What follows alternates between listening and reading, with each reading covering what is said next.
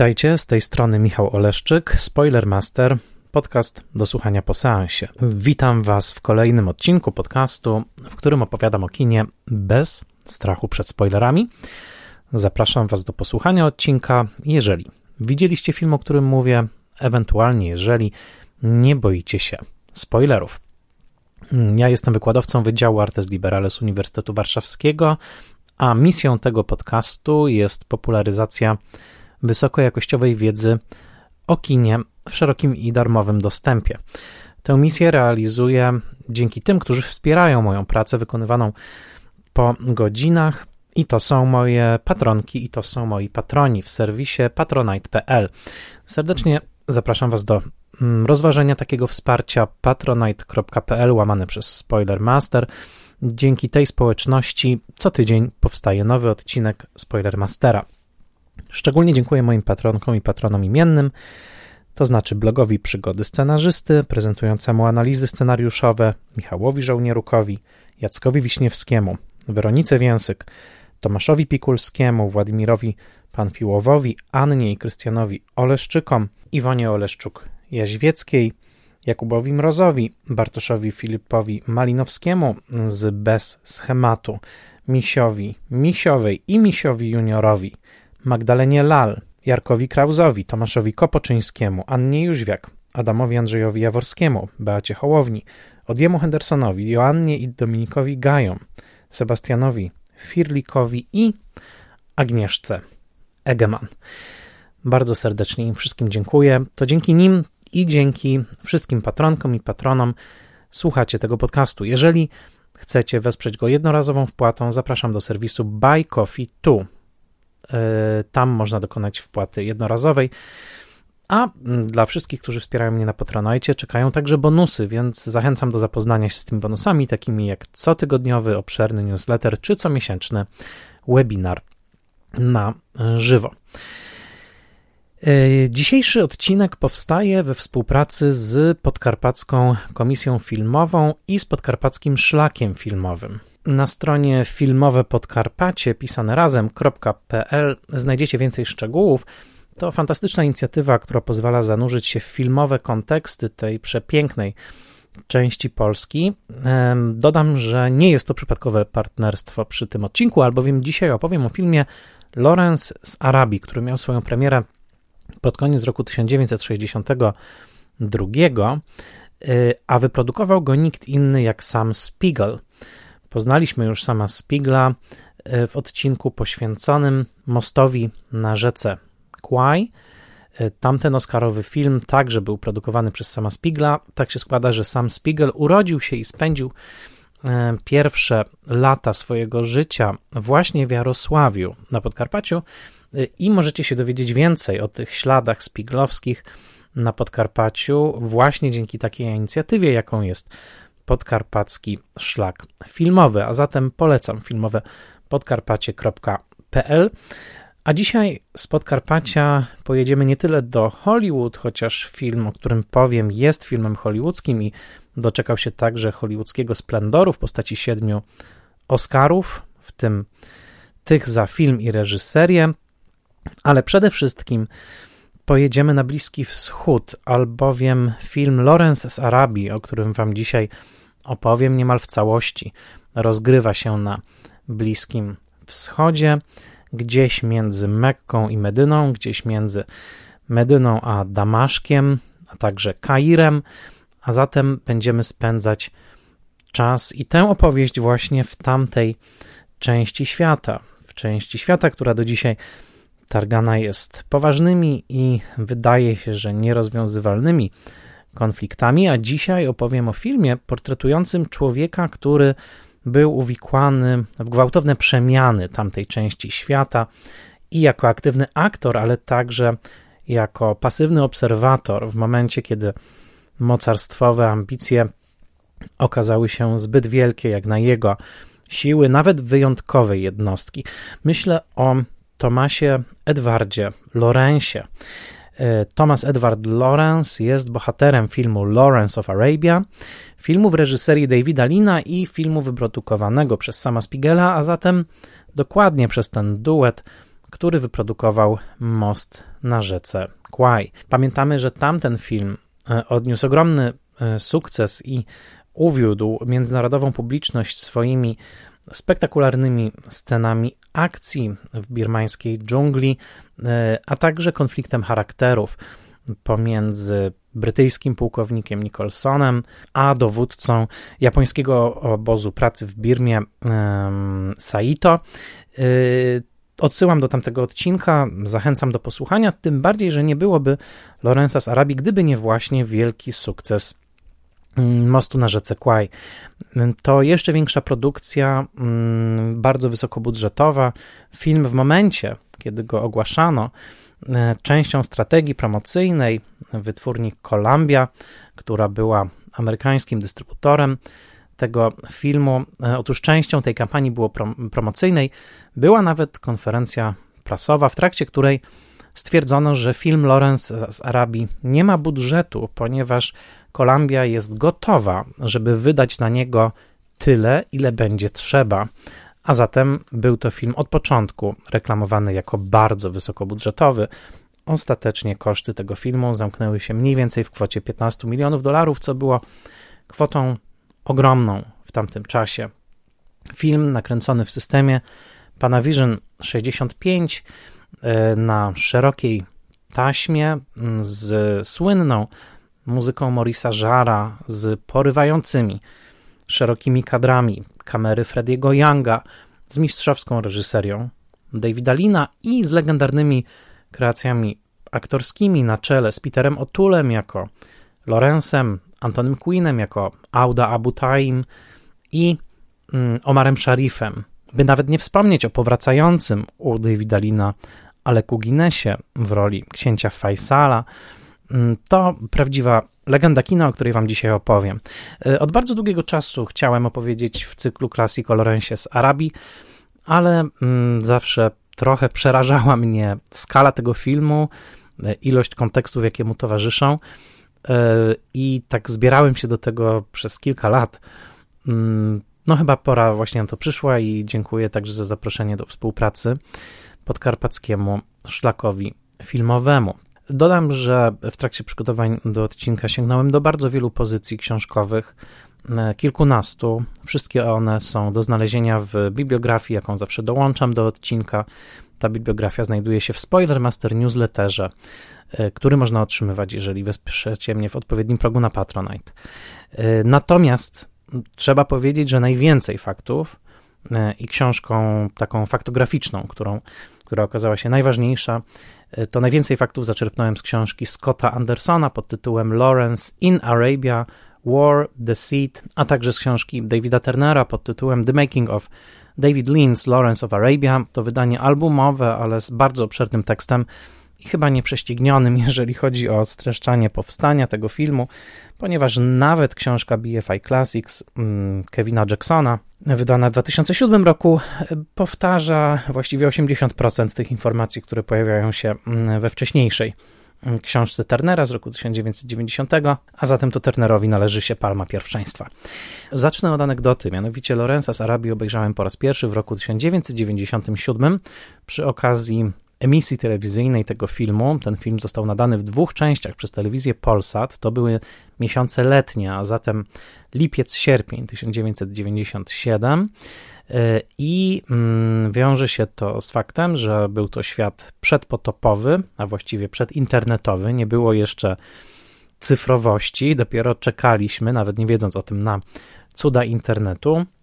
No i nie było w ogóle opcji takiej, jaką możecie wybrać dzisiaj wy, ponieważ kiedy nagrywam ten odcinek, film Lawrence Arabii w cudownej, pełnej wersji jest dostępny chociażby na polskim Netflixie.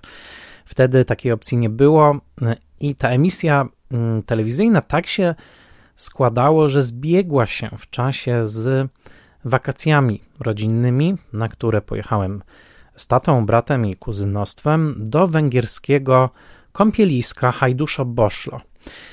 E, Mimo, że cieszyłem się na kąpielisko i baseny i wakacje, to tragedią było dla mnie, że właśnie ta emisja tak ważnego, wyczekiwanego dla mnie filmu, który między innymi Barry Norman wymienił jako jeden ze 100 najlepszych filmów wszechczasów w swojej książce 100 filmów wszechczasów, która wtedy była dla mnie Biblią. Otóż rozpaczałem nad tym, że ta emisja następuje wtedy, kiedy nie mogę osobiście tego filmu nagrać i nie będzie w domu nikogo, kto ten film będzie mi mógł nagrać. E, istniała opcja tak zwanego nastawiania nagrywania, czyli programowania magnetowidu, żeby on nagrał film o odpowiedniej porze, ale i tutaj mówię do Was, dzieciaki ery internetowej, e, jeżeli tylko na chwilę zabrakło prądu, a w mojej akurat w moim mieście często dosyć wtedy zdarzały się krótkie przerwy w dostawie prądu.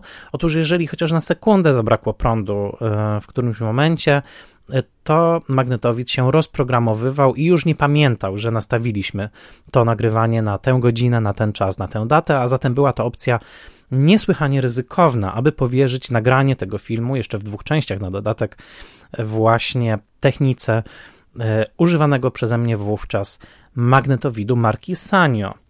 Musiałem zdać się na pomoc ludzką. Zdałem się na pomoc ludzką, ale film był tak ważny, tak istotny, że wolałem ubezpieczyć się i poprosić dwa niezależne podmioty o nagranie y, tegoż filmu. Y, ubezpieczyłem się na dodatek w dwóch różnych dzielnicach.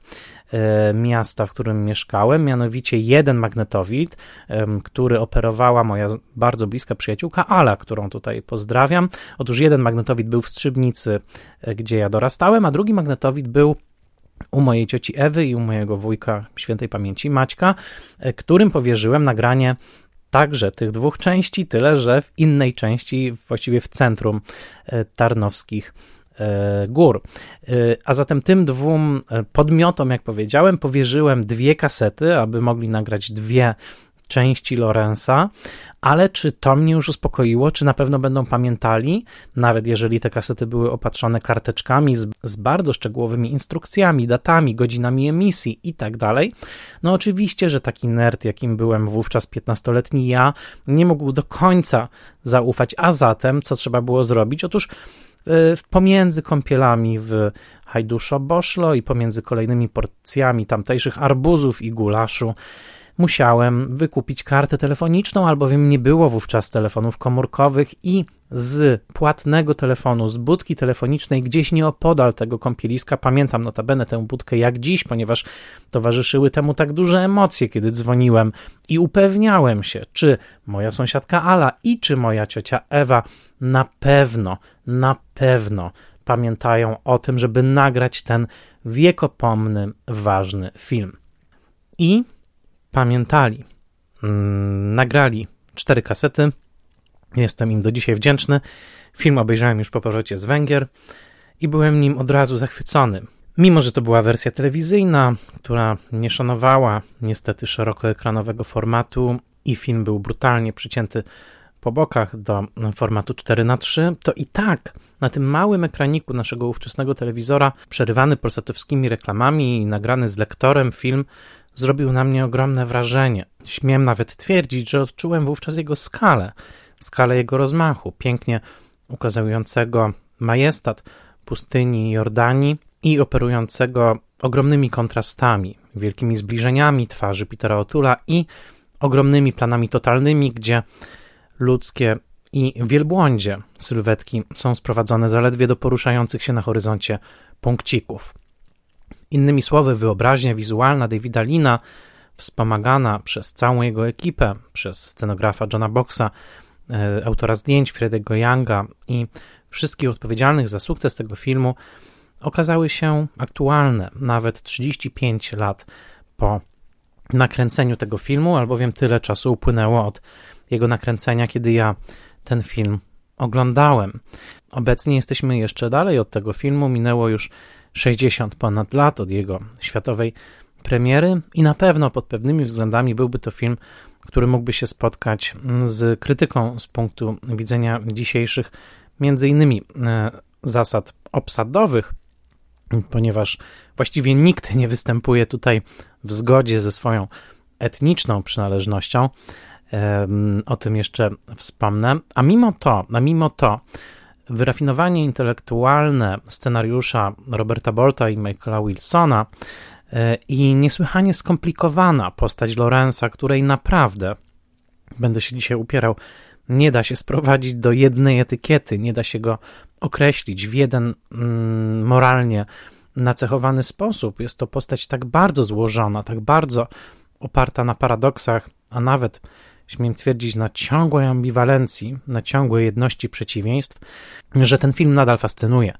Ja umieściłem go w swoim top 100 Spoilermastera i nie bez powodu. Nadal uważam, że jest to nie tylko najbardziej zachwycający, wielki filmowy fresk, jakie kino wydało w tym szczególnym bardzo gatunku, całkowicie pozbawionym melodramatu, a jednocześnie obierający najdziwniejszego możliwego bohatera na taki wielki fresk, quasi przygodowy, że ten film, mam wrażenie, mm, pozostaje tak samo istotny dziś, jak był kiedyś. E, sprawia ogromną przyjemność odbiorczą, nawet jeżeli drobne partie tego filmu mogły się zestarzeć, to i jako wizja, i jako ambitna próba zmierzenia się z historią, i jako ultranowoczesne zadanie pytania o zachodnią tożsamość jednostkową jako taką, Lawrence Arabi nadal jest w moim przekonaniu arcydziełem. I dlatego dzisiaj chcę Wam o tym filmie opowiedzieć. Najpierw parę słów o bohaterze. Thomas Edward Lawrence przyszedł na świat 16 sierpnia roku 1888. E, zginął w wypadku motocyklowym w maju roku 1935, a zatem jego życie przypada tak naprawdę na końcówkę wieku XIX i na pierwsze trzy dekady wieku XX. Kluczowym wydarzeniem jego życia jest pierwsza wojna światowa, kiedy to jako oficer brytyjskiej armii stał się rodzajem szpiega właśnie na terenach Bliskiego Wschodu, które wówczas należały do rozpadającego się i drżącego w posadach Imperium Osmańskiego. Imperium Osmańskie to jedno z wielkich ówczesnych imperiów, które znajduje się w stanie drżenia, w stanie ciągłego pękania, przerywanego coraz to nowymi erupcjami narodowych, tożsamościowych aspiracji ludów, które znajdują się pod jego e, panowaniem. Północna Afryka, Bliski Wschód, e, Półwysep Arabski e, i oczywiście Bałkany z Anatolią, to trzon tego imperium, które na przestrzeni historii oczywiście także splatało się i to w sposób dosyć e, różnorodny z historią, e, z historią Polski, e, ale także imperium, które w wyniku sił nowoczesności, a przede wszystkim w wyniku rozbudzanych ambicji narodowych, tych rozmaitych grup, o których wspomniałem, będzie przez właściwie dwa wieki, aż do totalnej klęski po I wojnie światowej, doświadczało bardzo gwałtownych konwulsji nieraz niesłychanie krwawych. E, jeżeli chodzi o krwawość, to oczywiście nic nie prześcignie masakry Ormian, jakiej dokonały tureckie e, władze e, właśnie w drugiej dekadzie wieku XX. Natomiast te konwulsje, to drżenie, te wyłaniające się państwa, ten wielki impuls także, jakim było uniezależnienie się Grecji na początku wieku XIX od właśnie wpływów osmańskich, impuls, który zainspirował potem kolejne grupy i także owocował kolejnymi e, niepodległościami kolejnych to państw, e, między innymi Rumunii, e, to mm, jest historia tygla, który wrze w sposób bardzo gwałtowny i oczywiście tygla, który jest uważnie obserwowany przez europejskie potęgi tamtego czasu, na czele z Wielką Brytanią i Francją i Niemcami, oczywiście, które w pewnym momencie najbardziej zbliżają się do Turcji, ale oczywiście także przez Rosję, której Imperium Osmańskie zawsze się obawiało i która jest takim, można powiedzieć, niewidzialnym albo przynajmniej usuniętym rzekomo w cień aktorem tych, e, tych wydarzeń. E, z naszej perspektywy najistotniejsze jest to, ponieważ też muszę mm, skracać tę opowieść, ale e, najistotniejsze jest to, uważam, że najlepiej opisuje całe to tło historyczne właśnie Scott Anderson w książce Lawrence in Arabia, że wielkie europejskie potęgi na czele z Wielką Brytanią zobaczyły ogromny potencjał w owym rozpadającym się imperium i oczywiście łypały na wpływy w tym imperium dotyczące ziemi, dotyczące złóż naturalnych i wszystkich wpływów strategicznych, jakie mogły z tego ulokowania wypływać. E, Scott Anderson opisuje ciekawie w swojej książce, w jaki sposób rozmaici aktorzy działają na terenie Imperium Osmańskiego w pierwszych dwóch dekadach wieku XX. On pisze innymi o Niemcu, mm, Kurcie Pryferze, e, który w pewnym momencie próbował skłonić Arabów do świętej wojny przeciwko właśnie Brytyjczykom, którzy wtedy zajmowali Kair. Pisze o Williamie Yale'u, e, z tych Yale'ów od Yale University, który na zlecenie Standard Oil wówczas już szukał i próbował, czy właśnie złoża na Bliskim Wschodzie nie okażą się bardzo intratnym źródełkiem ropy naftowej dla Standard Oil amerykańskiego. E, I oczywiście bardzo ważnym aktorem był Lawrence z Arabii, który zostaje od pewnego momentu oddelegowany właśnie do działań dywersyjnych wywiad i wywiadowczych, a także militarnych w tym w tym regionie. Ale e, przyjrzyjmy się Lorenzowi e, także przed Arabią, ponieważ mm, wydaje się, że nie był to mm, człowiek, który był urodzonym żołnierzem. Na pewno, gdyby ktoś mu się przy, przyglądał dopiero kiedy Lorenz miał e, lat około 20, zobaczyłbym w nim przede wszystkim bardzo wrażliwego, młodego człowieka, naukowca z pasją do archeologii i do poezji starożytnej, i do w ogóle do starożytnych języków, który także przy swojej mikrej posturze, albowiem Lorenz był stosunkowo niski, mimo że zagra go bardzo wysoki Peter O'Toole, był rozsadzany bardzo szczególnymi marzeniami o potędze. Nie były to marzenia, które miałyby w sobie coś despotycznego, były to raczej marzenia młodego chłopaka, młodego człowieka, który w tamtym właśnie czasie, na samym końcu wiktoriańskiej ery w Anglii i w epoce edwardiańskiej, mm, do której także będzie przynależał David Lean, e, reżyser filmu, najbardziej marzył o rodzaju bohaterstwa i rodzaju wielkości, który można by wywieść od Homera, od eposów takich jak Iliada, takich jak Odyseja, ale przede wszystkim jednak Iliada jako opowieść wojenna, e, a także opowieści arturiańskie. Młody Thomas Lorenz, nazywany w swojej rodzinie e, przez licznych braci Nedem, właściwie nie rozstawał się z egzemplarzami właśnie arturiańskich legend i z egzemplarzami homeryckich eposów. Jako, że był już świadkiem nie tylko narodzin, ale także ogromnego triumfu cywilizacji przemysłowej, która na dodatek właśnie w I wojnie światowej objawi swoją pełną i także przerażającą twarz w nowych technikach zabijania, których masowość i bezduszność nie będzie miała żadnego precedensu we wcześniejszej historii świata. Otóż, jako że Thomas Edward Lorenz mierzył się z tą nowoczesnością i obserwował jej gwałtowne, konwulsyjne narodziny na własnych oczach, był nim ogromny impuls do zakorzenienia się w przeszłości, do zakorzenienia się właśnie w tym heroizmie, w takiej sprawczości, używam tego słowa, którego nie lubię, w bardzo konkretnym znaczeniu. Otóż w takiej sprawczości, którą można by połączyć ze sprawczością, heroizmem, siłą takich bohaterów, jacy właśnie zaludniają karty Homera. Wiek XIX nie sprzyjał zdecydowanie heroizmowi spod znaku homeryckich eposów. Wiek XX na pewno nie będzie sprzyjał, ponieważ nowoczesność będzie zbyt rozpędzoną, bezduszną maszyną, a karabin maszynowy, czołgi, ataki chemiczne i inne sposoby mechanicznego zabijania zdecydowanie położą kres e, zrównaniu walki z honorem. E, ale e, dla Lorenza to marzenie było bardzo, bardzo silne. Dodajmy, że Lorenz wychowywał się w rodzinie bardzo szczególnej, naznaczonej też wstydem, wyparciem, milczeniem i traumą. To była rodzina, jego ojciec miał nazwisko Chapman i pochodził z takiej na poły irlandzkiej arystokracji, e, ale był człowiekiem, można powiedzieć, wyplutym przez własną klasę.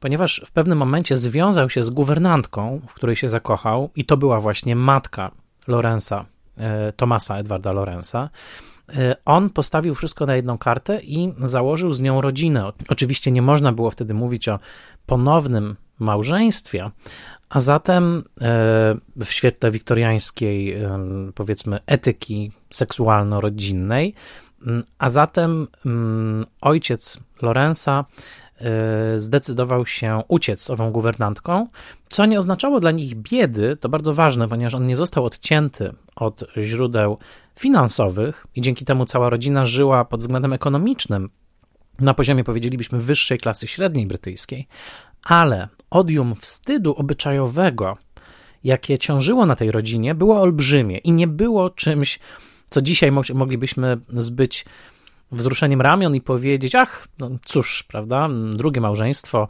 dzieci z drugiego związku. Nie. Wiktoriańska moralność, która wówczas dominowała, absolutnie przekreślała szacowność e, takiej rodziny. Stąd zmiana nazwiska, właśnie z Chapman na Lawrence, i stąd częste przeprowadzki, albowiem rodzina w zasadzie pod względem towarzyskim, obyczajowym się ukrywała mimo że nie ukrywała się faktycznie. Chodzili po ulicach, dzieci chodziły do szkół, ale e, był to czas także oczywiście przedinternetowy, w którym łatwiej było się ukryć.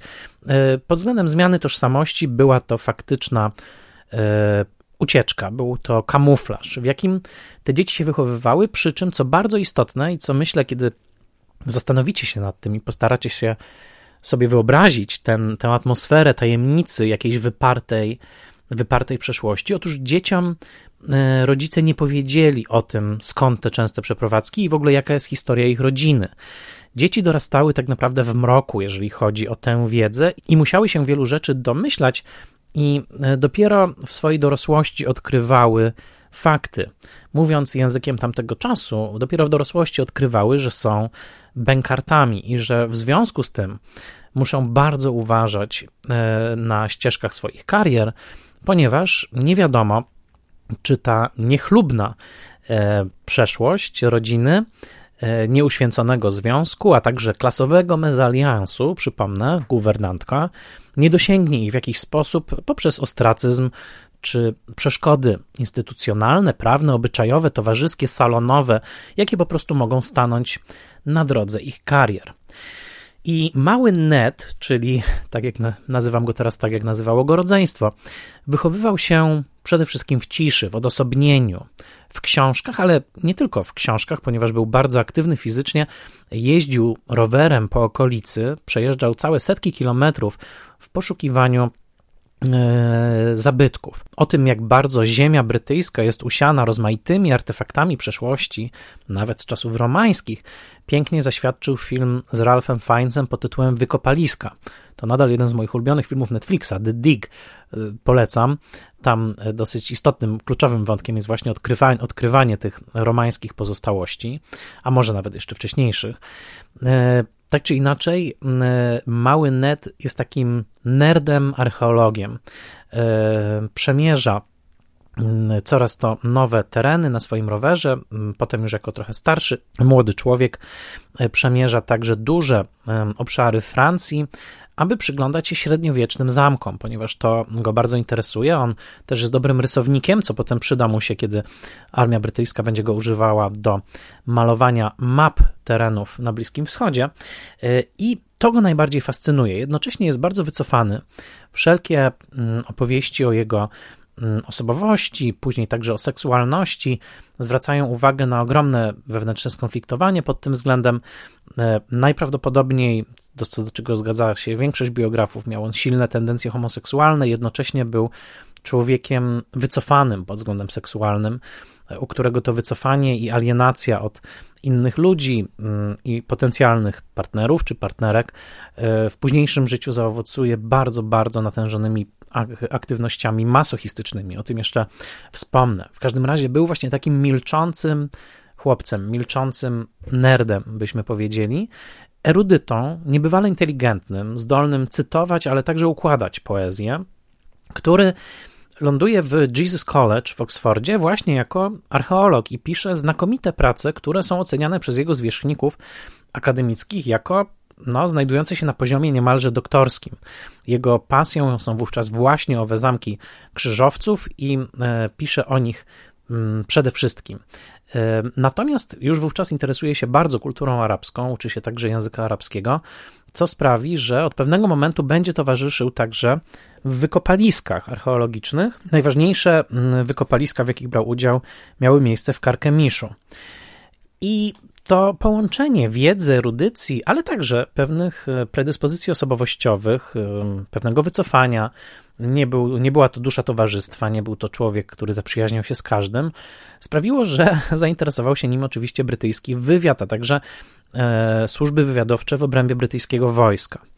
Kiedy rozpoczęła się mm, I wojna światowa mm, i kiedy przystąpiła do niej także Wielka Brytania i Turcja, to Turcja znalazła się w gronie przeciwników Wielkiej Brytanii, e, stowarzyszona wówczas z Niemcami e, i połączona jeszcze wcześniejszymi e, więzami, ponieważ Niemcy byli bardzo otwarci na to, żeby budować właśnie z Imperium Osmańskim pewną, pewną komitywę. I tutaj zaczyna się ta właściwa historia, która także przelewa się na film.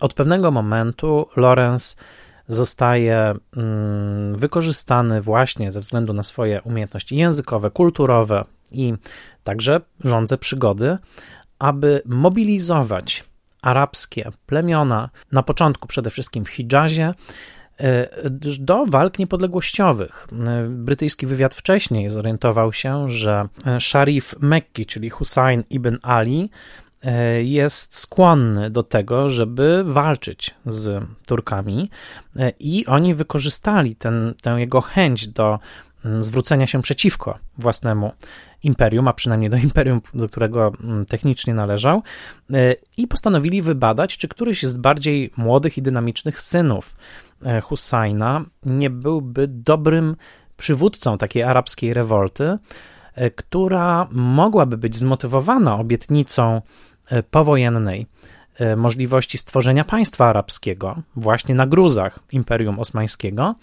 e, i który jednocześnie byłby i lokalnym organizatorem takich walk, przywódcą, ale także po prostu współpracownikiem Brytyjczyków. I to właśnie Lorenz pomógł wybrać Faisala, a zatem jednego z synów Husajna, późniejszego króla Faisala, króla Iraku, E, którego uznał za najbardziej dynamicznego, najbardziej skłonnego do takiej współpracy. I to jest już historia, którą oczywiście zakładam, że widzieliście już film, którą rozpoznajecie z filmu, mianowicie ten moment, w którym e, Lorenz, grany przez Petera Otula, jest w namiocie Faisala. Faisala gra Alec Guinness, tak jak mówiłem o tych obsadowych idiosynkrazjach tego filmu. E, I odbywa się rozmowa, w trakcie której Lorenz sugeruje, że Arabowie nie powinni walczyć w sposób konwencjonalny, powinni wykorzystać fakt, że Beduini e, tak łatwo przemieszczają się po pustyni, jak nikt z taką łatwością, i że pustynia jest rodzajem oceanu e, wypełnionego piaskiem, po którym Arabowie mogą się poruszać równie swobodnie, co Brytyjczycy na morzach, co zapewniło im, jak w scenie podkreśla Faisal, dominację na morzach światowych. I tutaj jest istotny punkt, mianowicie mm, wszystkich różnic pomiędzy historią faktyczną a tą historią filmową Davida Lina nie jestem w stanie mm, wymienić. Są całe strony, materiały filmowe na YouTubie, które są poświęcone no, analizowaniu każdego najdrobniejszego szczegółu. Natomiast powiem, że kluczową różnicą jest to, że film sugeruje, że Lawrence niemalże w pojedynkę E, zainspirował arabską rewoltę, podczas kiedy oczywiście był to bardziej złożony proces, rozpisany też na wielu aktorów i innych także brytyjskich agentów, oficerów, który trwał długo. To nie jest przypadek, że kiedy Lawrence dociera e, po raz pierwszy do Faisala, jest tam już oczywiście wówczas pułkownik Brighton grany przez Antonego Quayla, no to, to wszystko też nie wydarzyło się samo. E, brytyjska inspiracja, ale także brytyjskie finansowanie i E, dostarczanie broni, co kluczowe, już mm, ten piec arabskiej rewolty wówczas e, roznieciło. W filmie Lina mamy mm, bohatera, który w dużej mierze jest bohaterem osamotnionym. Lorenz w zasadzie nie rozmawia z innymi brytyjskimi oficerami, którzy byliby równie jak on zaangażowani w działania na miejscu. Tymczasem w rzeczywistości oczywiście ten proces był bardziej skomplikowany.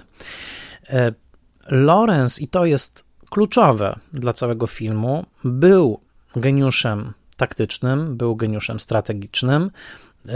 I film wskazuje przede wszystkim na jedno zwycięstwo, to znaczy na zdobycie Akaby w, w Zatoce Morza Czerwonego, której nie dało się zdobyć od strony morza, ale którą dzięki wyjątkowemu wyczynowi, e, jakim było mm, przekroczenie pustyni Nefut e, właśnie przez mm, Lorenza i garstkę ludzi, właśnie zdobycie Akaby od strony lądu było ogromnym wkładem Lorenza w całą, e, w całą kampanię. Pod tym względem film w dużej mierze jest prawdziwy, ale znowu dużo szczegółów jest podkoloryzowanych. Tak naprawdę większość walk rozegrało się poza samą Akabą, do której już w zasadzie mm, ta grupka potem weszła bez żadnego oporu. Kluczowe jednak i w tym długim filmie ważne jest, żeby wydobyć istotę całej opowieści. Otóż kluczowe jest to, że prawdziwy Lorenz wiedział w zasadzie od samego początku o porozumieniach, jakie zawarto pomiędzy dyplomacją brytyjską i francuską, tak zwany układ Sykes-Picot. E, prawdziwy Lorenz wiedział bardzo, bardzo wcześnie, że Brytyjczycy taki układ zawarli e, z Francuzami i że tak naprawdę podział ziem, o które toczyły się walki w trakcie rewolty arabskiej, w dużej mierze już nastąpił, a co do szczegółów miał dopiero nastąpić, natomiast nie było w zasadzie złudzeń po stronie brytyjskiej, że te ziemie faktycznie trafią w ręce Arabów, którzy tak dzielnie o nie walczyli. Myślę swoją drogą, że tutaj jest duża przestrzeń do identyfikacji dla polskich widzów, kiedy myślimy o tym, że tak powiem, ilu naszych sojuszników przyszło nam z pomocą e, przyobiecanych traktatami sojuszników na początku II wojny światowej na przykład, to myślę, że możemy poczuć kawałeczek tej gorzkiej pigułki, którą e, Arabowie także odczuli po I wojnie światowej. E, natomiast w filmie jest wyraźnie powiedziane, że Lorenz dowiaduje się o tym stosunkowo późno, e, że w dużej mierze działa bez świadomości tego porozumienia Sykes-Picot i jedna z postaci mówi mu, na pewno się domyślałeś, być może filmowy Lorenz się tego domyśla, ale prawdziwy Lorenz to wiedział.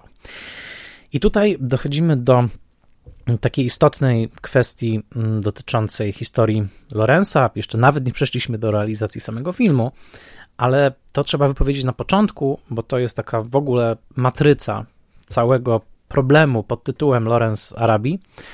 Mianowicie mm, pytanie o to, czy Lorenz był cynicznym graczem, który wykorzystywał e, arabskie siły, arabski entuzjazm, także podkreślmy arabskie przyjaźnie, ponieważ on zawierał te przyjaźnie rzeczywiście. O niektórych z nich wciąż mówi się, że mogły mieć homoseksualny, e, homoseksualny wymiar, o czym film także napomina na tyle, na ile mógł w 1962 roku. E, otóż, czy on był właśnie wyrachowanym graczem, czy rzeczywiście był w nim ten romantyczny wojownik, który odczuł e, potęgę e, impulsu niepodległościowego Arabów, ich dumę, ich piękno także jako grupy, e, jako pewnego etosu, jako pewnej kultury i zidentyfikował się z tą kulturą na tyle, żeby de facto działać odrobinę przynajmniej na szkodę własnego rządu, a przynajmniej wbrew jego bardziej czy mniej wyeksplikowanym, czasami tajnym intencjom. I Lektura tych książek, o których wspomniałem, ale także mm, wielu materiałów, jakie wysłuchałem na YouTubie, obejrzałem, to są po prostu kilkanaście godzin spędziłem, a mógłbym o wiele więcej, ponieważ Lorenz to jest naprawdę taka królicza nora. Jak raz klikniecie w materiał z jakimś wykładem, to potem pojawią wam się kolejne i kolejne filmy dokumentalne i tak dalej. Otóż wszystko wskazuje na to, że e, Lorenz był jednocześnie bardzo świadom owych gier wywiadu i gier wojskowych, gier dyplomatycznych, e, przyszłych podziałów, ale jednocześnie, i co do tego zgadza się większość i biografów i komentatorów, rzeczywiście obudził się w nim taki impuls, który kazał mu działać na rzecz Arabów.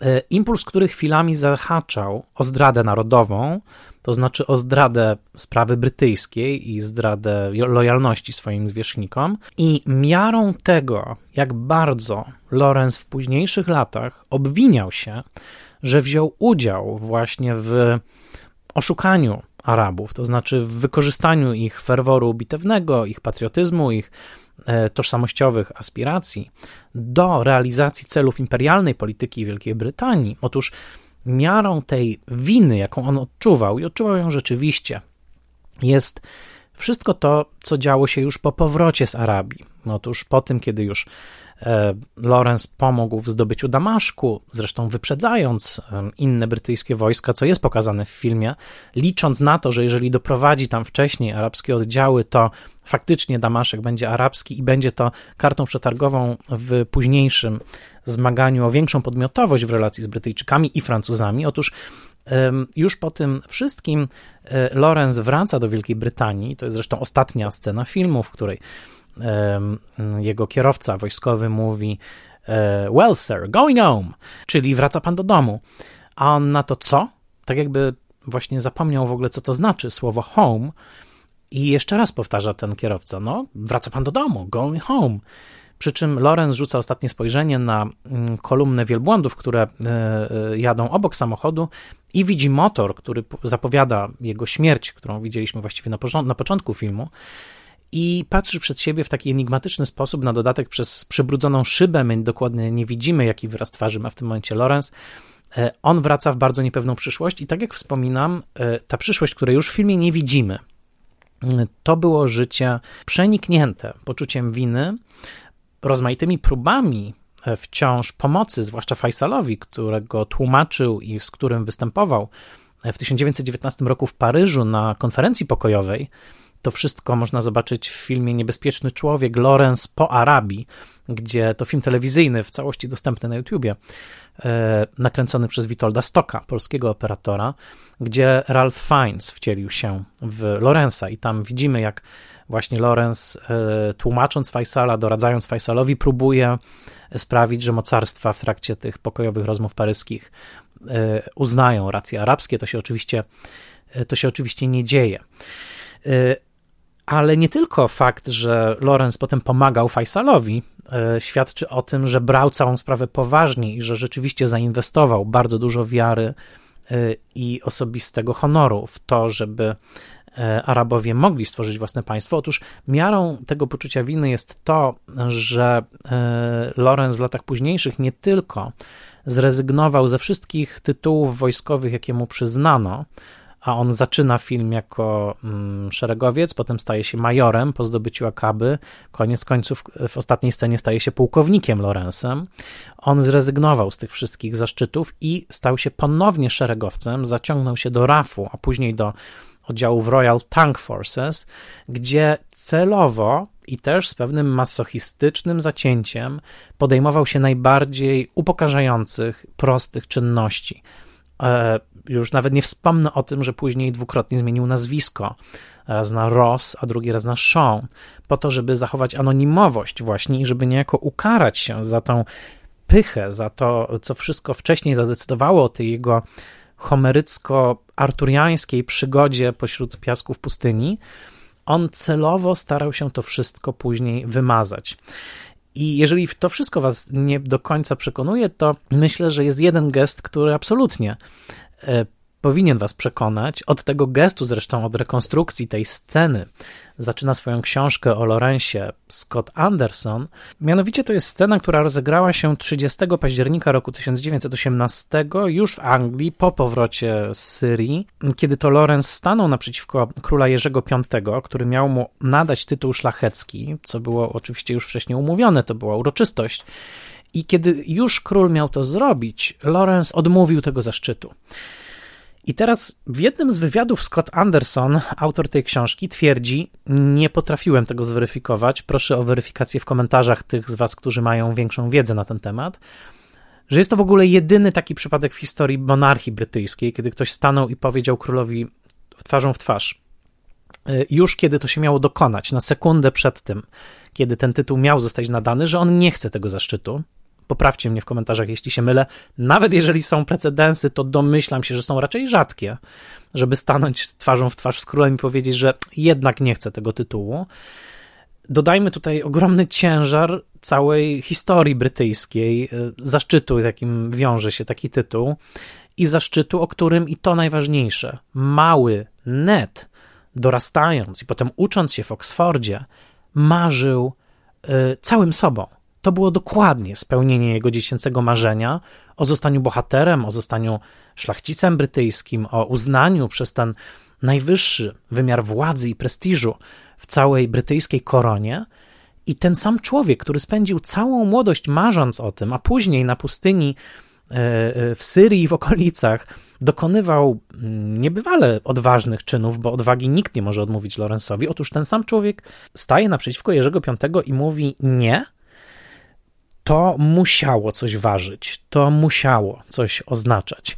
E, to nie jest gest prosty, to nie jest gest pusty, to jest gest poza wszystkim innym, który w sposób niebywale radykalny i publiczny na dodatek przekreśla wszystko to, w co wcześniej Lorenz wierzył i co uosabiał. W pewnym sensie ten gest przekreśla honor całej kolonialnej przygody, tak można powiedzieć, ponieważ nie ma żadnych wątpliwości i Rory Stewart, czyli mm, polityk brytyjski, ale także autor, e, cudownie w jednym z wykładów powiedział, że Lorenz, ten młody Lorenz, jadący do Arabii, to było wcielenie i uosobienie ducha kolonialnego, ducha wiktoriańskiego. On miał przed oczami całą galerię bohaterów kolonialnych, wcześniej oczywiście mm, działających w Indiach, do których on chciał dorównać, do których chciał doskoczyć i w pewnym sensie przeskoczył ich wszystkich, jeśli chodzi o e, znakomitość i rozmach dokonań. I to wszystko E, Lorenz przekreśla właśnie w momencie, kiedy tego zaszczytu szlacheckiego odmawia. Zresztą to jest mu wypominane w jednej długiej scenie filmu Dangerous Man z Ralphem Fiennesem. Polecam ten, ten film, przy czym bardzo ważne, nie pomylcie go z filmem, nie pomyl filmu, otóż nie pomylcie go z filmem Lawrence dwukropek After Arabia. To są dwa różne filmy. Dangerous Man, Lawrence After Arabia, to jest 1992 rok, Ralph Fiennes, znakomity film. Tam jest właśnie scena, w której on tłumaczy się z odrzucenia tytułu.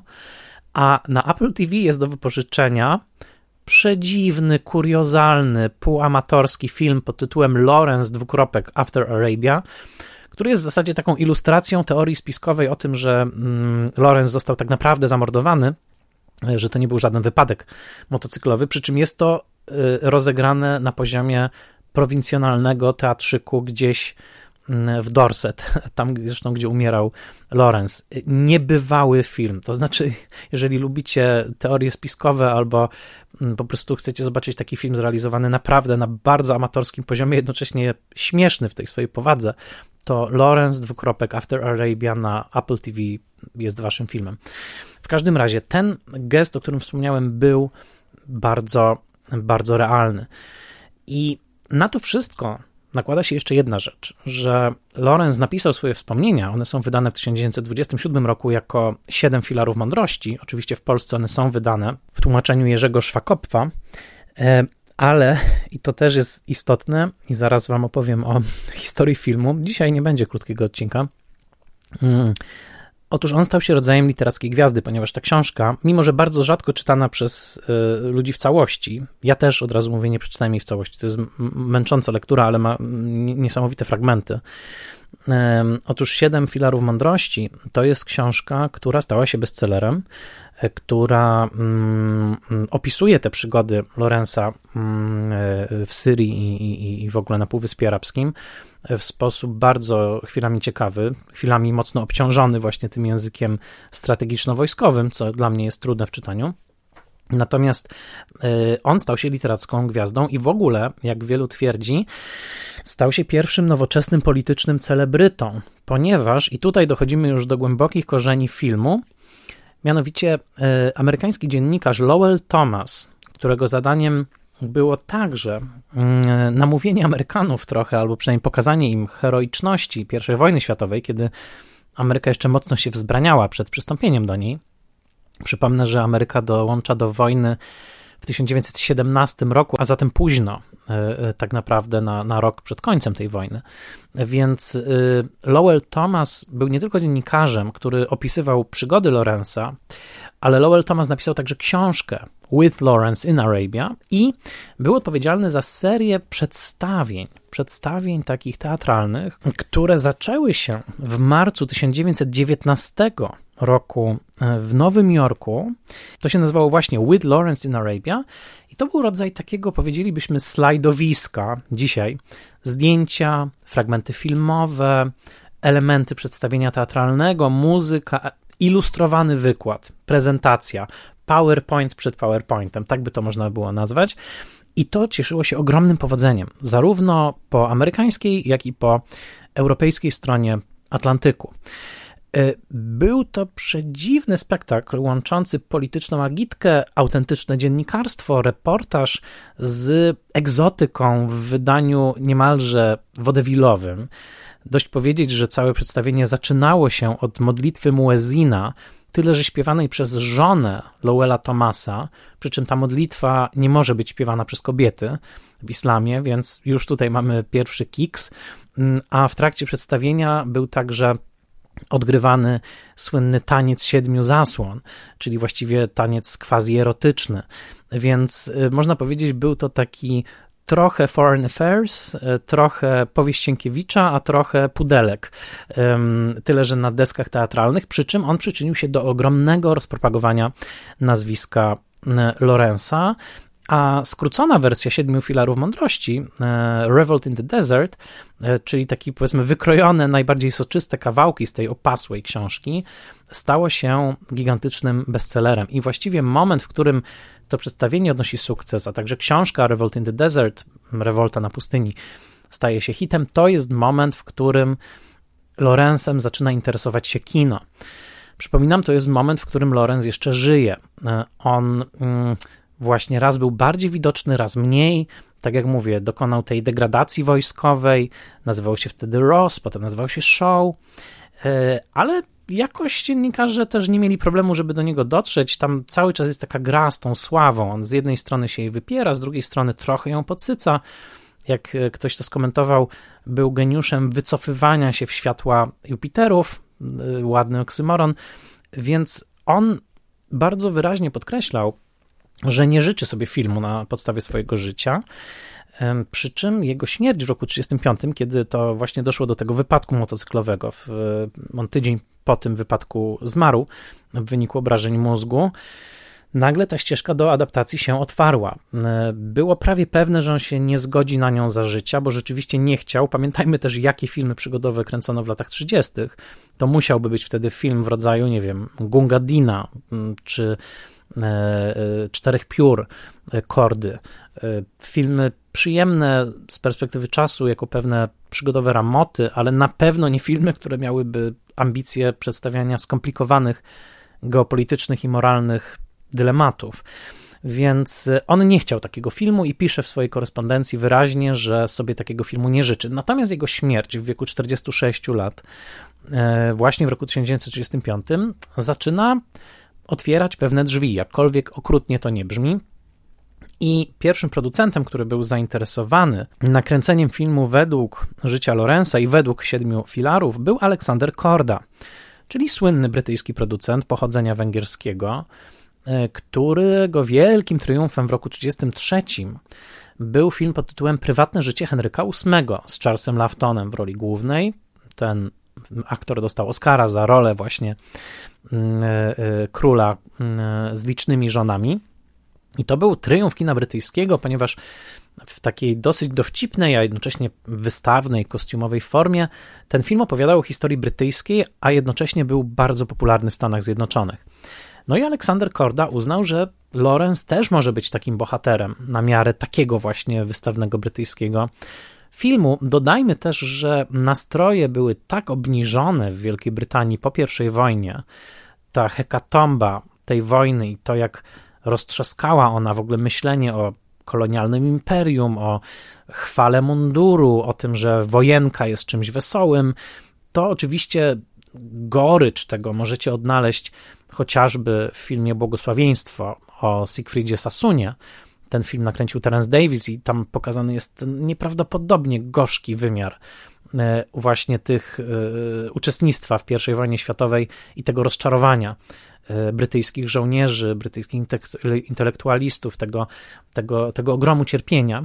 Więc też była potrzeba stworzenia takiej heroicznej figury, kogoś, kto brał udział w tej wojnie, ale nie na tym froncie zachodnim, który był tak krwawy, na którym notabene dwójka braci e, Tomasa Lorenza poległa, tylko żeby jednak z tej wojny ocalić jakąś figurę heroiczną, która też mogłaby się stać figurą trochę propagandową, e, która by pokazywała bohaterskiego Brytyjczyka w trakcie I wojny światowej, nieutytłanego w to błoto okopów, w tą wojnę pozycyjną, w to wszystko, co potem widzieliśmy w ścieżkach chwały, czy w 1917 sama Mendesa, prawda, w ten, w ten koszmar nowoczesnej wojny, tylko właśnie postać na koniu, czy przepraszam, na wielbłądzie, prawda, e, heroicznie podrywająca do walki uciśnione nacje, no to był Brytyjczyk, o którym warto by wtedy opowiedzieć. Z tym, że był duży szkopuł, mimo że przygotowania do filmu trwały. Leslie Howard, Ashley z Przeminęło z wiatrem, miał zagrać Lorenza. Są nawet zdjęcia e, w internecie, możecie zobaczyć w kostiumie e, Leslie'ego Howarda. Mm, otóż szkopuł był taki, że Turcja w tamtym czasie e, była już sojusznikiem Wielkiej Brytanii. Polityka jej karuzela jest nieuchronna, więc tutaj już Ministerstwo Spraw Zagranicznych powiedziało bardzo po brytyjsku, że co prawda oni absolutnie nie mogą się wtrącać w, ale y, taki film nie byłby dobry w tym momencie dla stosunków brytyjsko-tureckich. Więc film był tak rozwijany na pół gwizdka, przy czym jego reżyserem miał być Louis Milestone, czyli reżyser pierwszego i najlepszego, dodam, na zachodzie bez zmian. Mówiło się o właśnie Leslie Howardzie, mówiło się o Lorencie Olivierze jako o Lorencie z Arabii. Robert Donat, e, wspaniały w 39 krokach Hitchcocka, e, miał być także mm, Lorenzem, ale te plany spędzły na niczym, między innymi dlatego, że brat A.W. Lawrence, brat Tomasa, nie chciał takiego filmu i domagał się absolutnie, że scenariusz musi być przez niego zatwierdzony.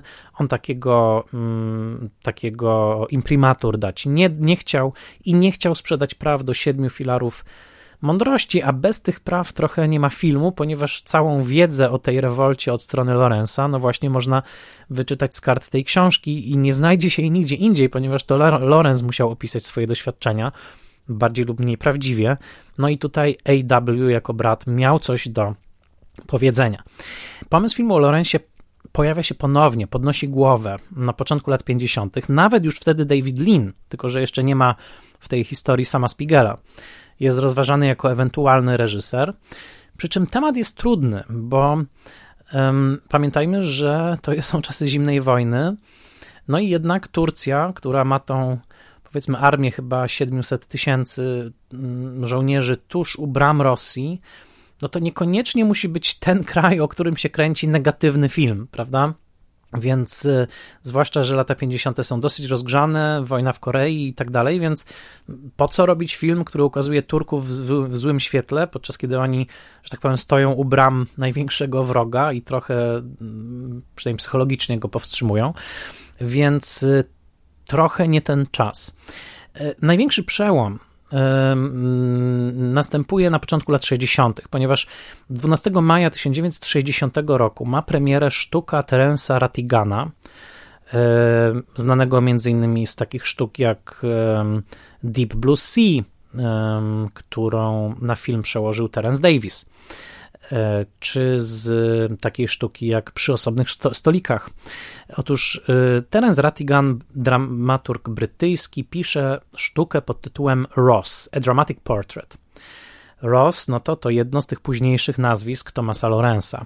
Więc jest to sztuka, która dotyka właśnie życia Lorenza z Arabii, która dosyć mocno eksponuje ten wątek homoseksualny, która także eksponuje wątek e, tego, co wydarzyło się w tureckiej osadzie Dara, a jest to ważny moment w filmie, ponieważ jest to moment, w którym Lorenz już tak bardzo jest rozochocony i myśli, że już może uchodzić za Araba, że porzuca wszelką ostrożność i e, chodząc ulicami Dary zostaje aresztowany przez Turków, próbuje udawać Czerkiesa, to się nie udaje i otomański bej e, chce go zgwałcić. I w filmie ten gwałt jest bardzo mocno zasugerowany. Zbliżenie bardzo wyraźne na zaślinione usta Jose Ferrera, który przygląda się skórze e, Lorenza i późniejsze spozycjonowanie Lorenza na ławie przez e, siepaczy Beja bardzo wyraźnie na to wskazują, tak jak otwarte drzwi, które sobie Bej zostawia e, po to, żeby wrócić jeszcze na miejsce tortur. I ten gwałt, zresztą opisany bardzo, bardzo w taki sposób wskazujący na to, co się wydarzyło przez Lorenza na kilku stronach jego książki Siedem filarów mądrości, w tej sztuce Ross jest takim punktem zwrotnym. Te fragmenty siedmiu filarów mądrości mm, odnoszące się do owych tortur są bardzo niepokojące, tym bardziej niepokojące, że po opisie tych wszystkich strasznych rzeczy, jakich doświadczył Lorenz, pojawia się także pewien rodzaj perwersji. E, cytat w tłumaczeniu Jerzego Szwakopfa. Później przypomniałem sobie, że kapral pod kutym butem przynaglił mnie do wstania, nie mogła być to halucynacja, gdyż następnego dnia miałem na prawym boku krwawy siniak, a przy każdym oddechu uszkodzone żebro dotkliwie mnie bolało. Pamiętam także, że uśmiechnąłem się do niego głupkowato, bowiem wezbrała we mnie fala rozkosznego ciepła, zapewne seksualnej natury. A potem, jak zamachnął się i całą długością batoga, smagnął mnie w pachwinę i tak dalej, i tak dalej. Te fragmenty do dzisiaj bardzo niepokoją, ale także stały się podstawą do wielu interpretacji e, tego, co przydarzyło się Lorenzowi właśnie w darze i jak to wpłynęło na jego późniejszy, e, taki no już psychologiczny stan. E, Terence Rattigan opowiada o Lorenzie jako też o mężczyźnie bardzo skłóconym ze swoją seksualnością, a z kolei w, w życiu prawdziwego Lorenza to, czego doświadczył w darze, stało się źródłem późniejszych kontrowersji biograficznych, częściowo to zostało podważane, nie ma wątpliwości, że doszło do, tam do czegoś bardzo drastycznego, najprawdopodobniej właśnie do gwałtu. E, pod tym względem Lawrence z Arabii jest pierwszym filmem, który w ogóle dotyka kwestii homoseksualnego gwałtu. 10 lat później będzie pokazane to już ze szczegółami w filmie Wyzwolenie, e, Deliverance, Uwolnienie, o którym opowiadałem w Spoilermasterze, to film Johna Burmana. Natomiast to jest pierwszy film, w którym ten temat jest dotknięty, mm, i po tym gwałcie e, Lorenz jest całkowicie zniszczony psychicznie. To jest moment ten, w którym on zaczyna się wycofywać, potem zaczyna się zaczyna popadać w rodzaj psychotycznego szaleństwa, w którym e, wydaje rozkaz do zmasakrowania Turków e, w jednej z późniejszych scen i tak dalej. O tym jeszcze na pewno wspomnę. W każdym razie w 1960 roku sztuka Ross dotyka wszystkich tych kwestii. I co ciekawe, sztuka jest wystawiona 762 razy. W roli Lorenza, uwaga, Alec Guinness, który potem zagra Faisala. Tak toczy się koło filmowej fortuny.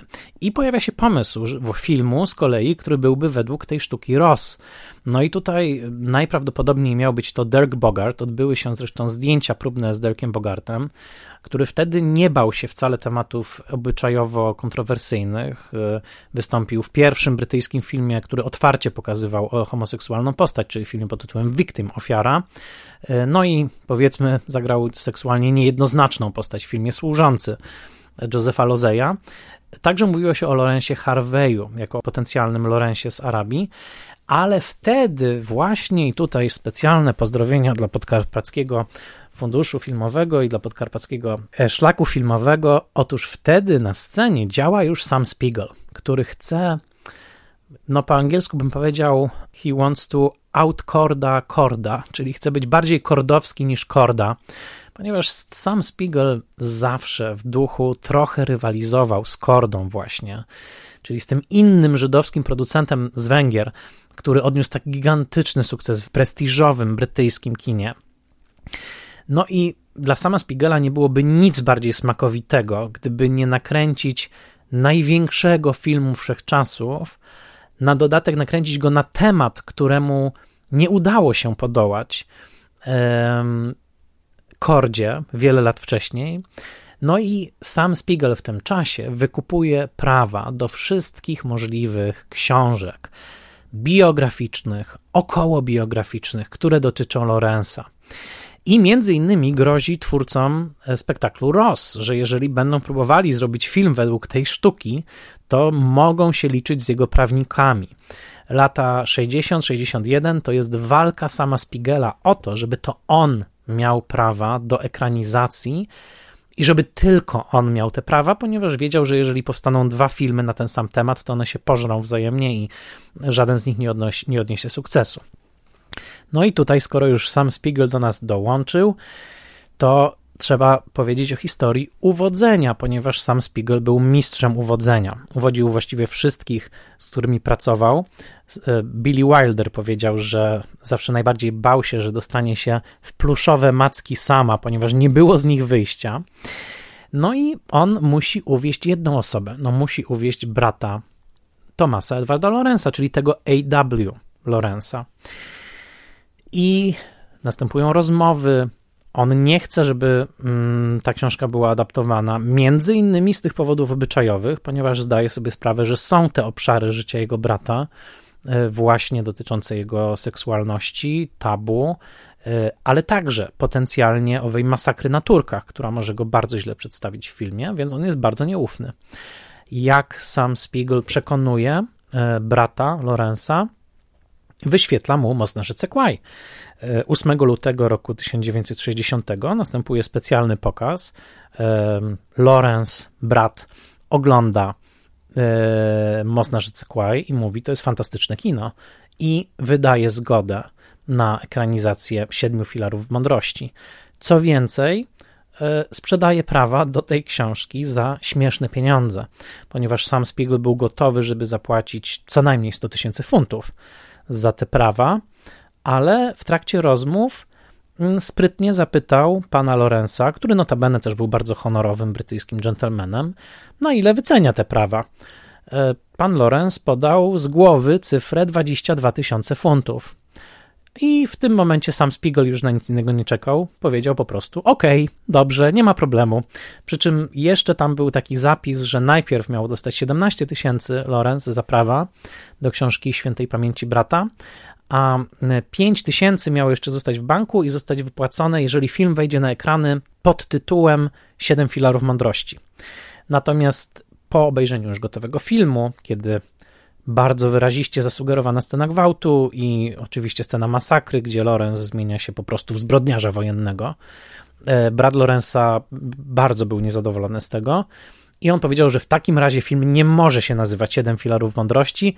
No i w tym momencie film został nazwany Lorenz Arabii, a 5000 funtów już do pana Lorenza nie trafiło. Tak to była sprytnie skonstruowana umowa.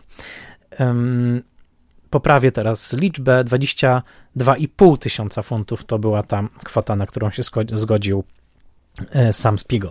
No i jak już film ruszył i został przypisany do jego reżyserii David Lean, a było jasne, że to będzie on. No w końcu Spiegel miał mm, sukces na koncie z Leanem i to właśnie w, przy dużym epickim filmie, jakim był Most na rzece Kwaj. No to najważniejsza rzecz była taka, kto zagra Lorenza. W tym samym czasie, właściwie równolegle, MGM kręciło ogromną produkcję, której losy okażą się o wiele bardziej tragiczne, finansowo tragiczne, to znaczy Bunt na Bounty. Um, remake filmu o e, buncie na okręcie brytyjskim na Pacyfiku z Marlonem Brando. I występ w tym filmie właśnie uniemożliwił Brando zagranie roli Lorenza, a to on miał być na początku. E, przy czym ta lista osób, które miały grać Lorenza, to jest w zasadzie taka lista najbardziej neurotycznych możliwych aktorów. U szczytu listy był Montgomery Clift, który wtedy słynął z roli neurotyków, i który zresztą wystąpił w Spiegelowskim nagle poprzedniego lata. E, ale koniec końców, e, no, bo Brando i Clift to najbardziej, prawda, wcielający tą neurozę nowe, nowej męskości lat 50. aktorzy. Natomiast e, w pewnym momencie mm, sprawa okazała się jasna, mianowicie i Lin i Spiegel wydali duże pieniądze na próby kamerowe aktora, co do którego byli absolutnie pewni, że to on zagra tę rolę, mianowicie na próby kamerowe niejakiego Alberta Fineya. Finney był wtedy młodym, gorącym nazwiskiem. E, już nakręcił, ale jeszcze nie było premiery, film e, z soboty na niedzielę i był takim młodym, seksownym, niebezpiecznym, trudnym, chropowatym Brytyjczykiem. Wcieleniem, można powiedzieć, młodego brytyjskiego gniewnego na ekranie. No zresztą taką dokładnie rolę spełni w soboty na niedzielę. Odbyły się testy kamerowe, były fantastyczne, ale e, Finney odmówił. Był bardzo pewny siebie. Swoją drogą, rok później po Lorencie to Tom Jones z jego udziałem będzie odbierał Oscara za najlepszy film, więc Może Finney wiedział, co robi, ale on powiedział, że nie zależało mu na takim tradycyjnym gwiazdorstwie. Wiedział, że musi pójść trochę mniej konwencjonalną ścieżką niż występowanie w dużym filmie historycznym Davida Lina w tym momencie. No i otwarło się pole. To pole wypełnił aktor irlandzkiego pochodzenia, aktor teatralny, który wtedy święcił triumfy jako Shylock w Kupcu Weneckim Szekspira i w ten sposób na miejsce Alberta Fineya pojawił się Peter O'Toole, wysoki, szczupły, o niebywale niebieskich oczach. Aktor, który fizycznie bardzo mało przypominał Lorenza, ale który mimo wszystko tę rolę dostał i zagrał ją znakomicie. Na YouTube'owym kanale mm, BBC jest pięknie odrestaurowany cyfrowo wywiad z Peterem O'Toolem na planie Lorenza z Arabii. Cudowny materiał, e, bardzo go polecam, gdzie Peter O'Toole mówił, jak się przygotowywał do tej roli. A brytyjscy aktorzy, jak mówią o swoich rolach, to jest w tym coś bardzo magicznego, bo oni są tak świetnie przygotowani, zwłaszcza ci aktorzy szekspirowscy, że jest to za zawsze bardzo ciekawe i głębokie. I on powiedział, że najważniejszy dla niego detal, jaki usłyszał, kiedy rozmawiał z ludźmi, którzy znali Lorenza, był taki, kiedy ktoś powiedział, że on przypominał swoją posturą i postawą ciała boksera wagi średniej. I Otul mówi w tym wywiadzie, możecie to zobaczyć, że to był moment, w którym coś w nim kliknęło, zaskoczyło, i on opracował taki szczególny sposób chodzenia i patrzenia z takim wielokrotnie obecnym w tym filmie lekkim schyleniem pleców, tak jakby chciał odeprzeć zbliżający się cios, tak jakby szykował się do przyjęcia ciosu. Takie właśnie zgarbienie pleców i spojrzenie trochę spod łba, a spojrzenie spod łba z tymi szafirowymi oczami, jakie miał Peter O'Toole, ma szczególną siłę. Więc ta duża sylwetka szczupłego O'Toole'a w lekkim zgięciu, z tym spojrzeniem pod zobaczcie, jak dużo fotosów z tego filmu opiera się dokładnie na tym ułożeniu ciała, to jest jakiś taki motoryczny klucz, jaki Peter O'Toole znalazł do tej roli. Reszta obsady to właściwie um, trochę jak e, lista obecności na spotkaniu ONZ-u, ponieważ mimo, że e, grają no, głównie Arabów, to właściwie nikt z nich Arabem nie jest, e, więc tylko dla porządku powiem, że reszta obsady to Alec Guinness jako książę Faisal, czyli laureat Oscara za Most na rzece Kwai, Anthony Quinn, czyli z pochodzenia chyba Meksykano-Irlandczyk, który gra e, przywódcę plemienia Hawaitatów, czyli Aude Abu Tayego. Jack Hawkins w roli generała Alembiego, Jacka Hawkinsa pamiętamy z Mostu na rzece Kwai oczywiście. Omar Sharif, czyli egipski aktor, e, który tutaj e, został dołączony do projektu po tym, jak odpadł Alain Delon najpierw, a potem Maurice Ronnet. Najpierw Francuzi mieli grać tę rolę, Francuzi o ciemnych oczach, tacy właśnie z ciemniejszą karnacją. Mm, José Ferrer jako mm, turecki bey, e, który ma jedną scenę, ale który powiedział po latach, że z tego filmu jest najbardziej dumny, bo ta króciutka scena z tą groźbą tej przemocy, gwałtu jest e, bardzo mocna. Anthony Quayle jako pułkownik Brighton, Claude Rains z Casablanki go znamy jako pan Dryden, czyli ten cywilny doradca wojskowych, e, który reprezentuje machinacje polityczne, gdzieś zakulisowe. Arthur Kennedy zastąpił Edmunda O'Briana w roli Jacksona Bentleya, czyli dziennikarza wzorowanego na Lowellu Thomasie, tymże, który spopularyzował nazwisko Lorenza. I, I tutaj ważna informacja, mianowicie jako Gasim, czyli ten mężczyzna, którego Lorenz najpierw ratuje z pustyni e, wbrew radom Aliego, a później musi go zastrzelić w wyniku um, plemiennego konfliktu, to jest I.S. Johar, który był indyjskim aktorem. W roli Majida wystąpił Egipcjanin Gamil Ratib.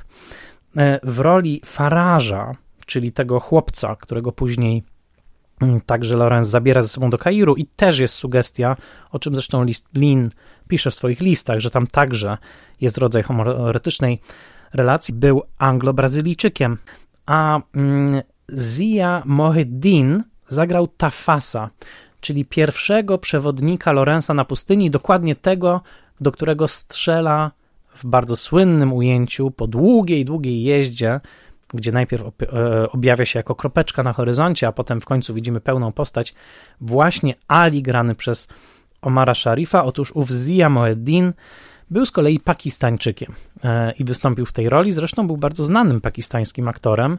Dodam, że z całej tej głównej obsady e, Zia Moeddin jest tym, który żył najdłużej. Odszedł od nas w lutym roku bieżącego, 2023, przypominam. E, reszta tej obsady już nie jest z nami. On był ostatni z tej głównej obsady filmu, który, który od nas odszedł. A zatem mamy tutaj całkowity miks. Oczywiście wyobraźcie sobie ten film z Alanem Delonem jako Alim i mielibyśmy jeszcze większy Europudding.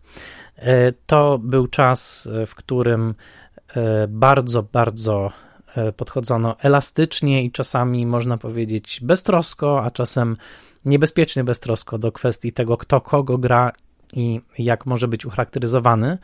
Po latach zresztą myślę, że nie tylko z powodów tożsamościowo-kulturowych, ale czasami po prostu z powodu tego, że charakteryzacja się starzeje. Możemy się uśmiechnąć, kiedy w Faisalu odkrywamy rysy twarzy Obi-Wana, Kenobiego i tak dalej, ale przypomnę, że był, była to dokładnie ta sama dekada, w której Jerzy Zelnik grał Ramzesa i Jul Brynner występował w Tarasie Bulbie, chociaż pewnie tutaj było mu etnicznie najbliżej, ale wystarczy spojrzeć na dossier Aleka Guinnessa, czy Antonego Queena, który miał za sobą już rolę i Meksykanów, i za dwa lata wystąpi w Greku Zorbie, i tak dalej, i tak dalej, żeby zobaczyć, że użyje tej frazy, mimo że bywa atakowana. Był to inny czas, był to po prostu inny kontekst kulturowy, w którym te kwestie tożsamościowe i kwestie obsadowe po prostu wyglądały inaczej, a dzięki ogromnej popularności, jaką zdobyli, e, uczestnicząc, uczestnicząc w tym filmie, na przykład Omar Sharif, scena światowa wzbogaciła się o aktorów z takich kręgów kulturowych, o jakich wcześniej w mainstreamie nie mówiono.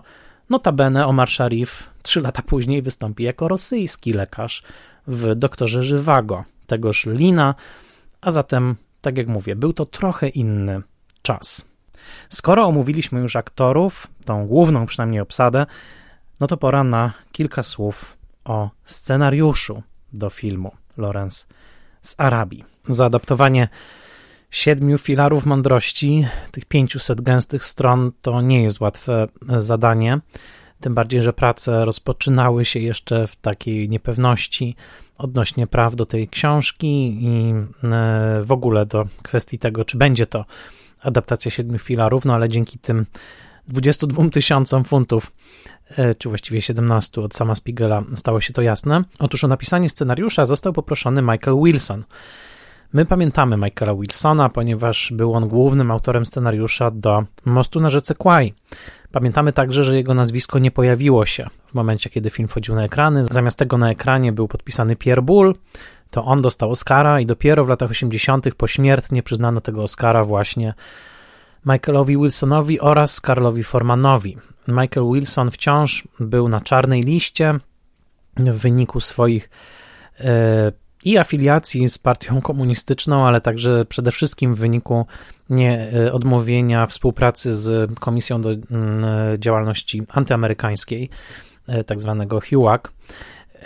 I co prawda wtedy już na początku lat 60. ta atmosfera trochę topniała, to też było już po premierze mm, po premierze Spartakusa, Kerka de Glasa, E, które, do którego scenariusz napisał Dalton Trumbo i on został podpisany na ekranie, więc ta czarna lista już powoli, powoli przestawała być aktualna, ale tutaj akurat weszło coś jeszcze innego. Mianowicie Wilson faktycznie został poproszony o adaptację i napisał długi, dosyć skomplikowany scenariusz, o którym Adrian Turner pisze, że był to scenariusz bardziej siedmiogodzinnego miniserialu, chociaż w tym długim scenariuszu była już ta podstawowa struktura oparta na współczesnym prologu.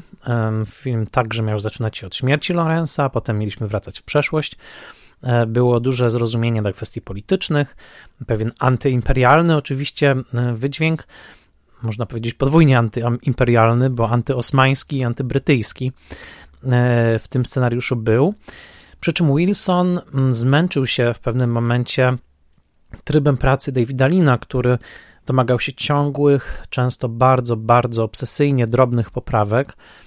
I mimo, że oni rozumieli się dobrze, to w pewnym momencie Wilson po prostu zmęczył się już tym procesem, odszedł od tego procesu. I to jest moment, w którym Lin zwraca się do Roberta Bolta, wtedy świeżo upieczonego dramatopisarza, którego pierwsza sztuka, oto jest Głowa Zdrajcy, A Man for All Seasons, odniosła ogromny sukces teatralny, potem to będzie także film Freda Zinnemana o Henryku VIII i Tomaszu Morusie, przy czym e, Bolta i Wilsona łączyło to, że byli bardzo lewicowi w swoich przekonaniach. No, Wilson był wręcz komunistą. E, Bolt był, można powiedzieć, sympatykiem e, komunistycznym. Oczywiście Wilson był Amerykaninem urodzonym w Oklahomie, Bolt był Brytyjczykiem, był przede wszystkim nauczycielem w dosyć elitarnej szkole trochę inaczej, że tak powiem, te kariery i ścieżki E, karier i życia przebiegały w wypadku amerykańskich komunistów i w wypadku sympatyzujących z komunizmem brytyjskich intelektualistów, jednak w Stanach ta pięść makartyzmu była bardzo silna e, i Robert Bolt zastąpił od pewnego momentu Michaela Wilsona, e, co zaowocowało późniejszymi gorzkimi sporami, bo Wilson twierdził, że cała struktura była jego, że dialogi były wyłącznie Bolta. Bolt z tym się nie zgadzał, uważał, że struktura musiała w zasadzie być taka właśnie, bo była wywiedziona z siedmiu filarów i tak dalej, i tak dalej.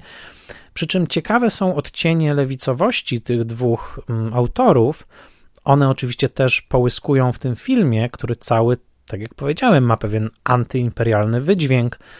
E, dla Bolta Lorenz, to cytat z Bolta, był rodzajem romantycznego faszysty, czyli kogoś, kto właśnie w takim romantycznym porywie staje się rodzajem despoty. A dla Wilsona y, przede wszystkim ten temat samostanowienia y, narodu, samostanowienia Arabów w tym przypadku był bardzo istotny w opozycji, prawda, do tych y, zakulisowych rozgrywek imperialnej Wielkiej Brytanii. Dwa słowa o Wilsonie. Nie chcę tu wprowadzać żadnej dużej mm, dygresji, bo to nie jest na to miejsce, ale pamiętajmy, to jest naprawdę ważne, że Wilson był bardzo, bardzo zaangażowanym komunistą. Nie tylko, że podpisał scenariusz do najbardziej komunistycznego filmu w historii Stanów Zjednoczonych, to znaczy Soli Ziemi, The Salt of the Earth z 1953. To była niezależna komunistyczna produkcja. To swoją drogą takie trochę kuriozum filmowe, o którym można by nagrać odcinek The Salt of the Earth. Film o mm, strajkach robotniczych na pograniczu amerykańsko-meksykańskim. E, no właściwie wszyscy, którzy byli w ten film zaangażowani, potem znaleźli się na czarnej liście.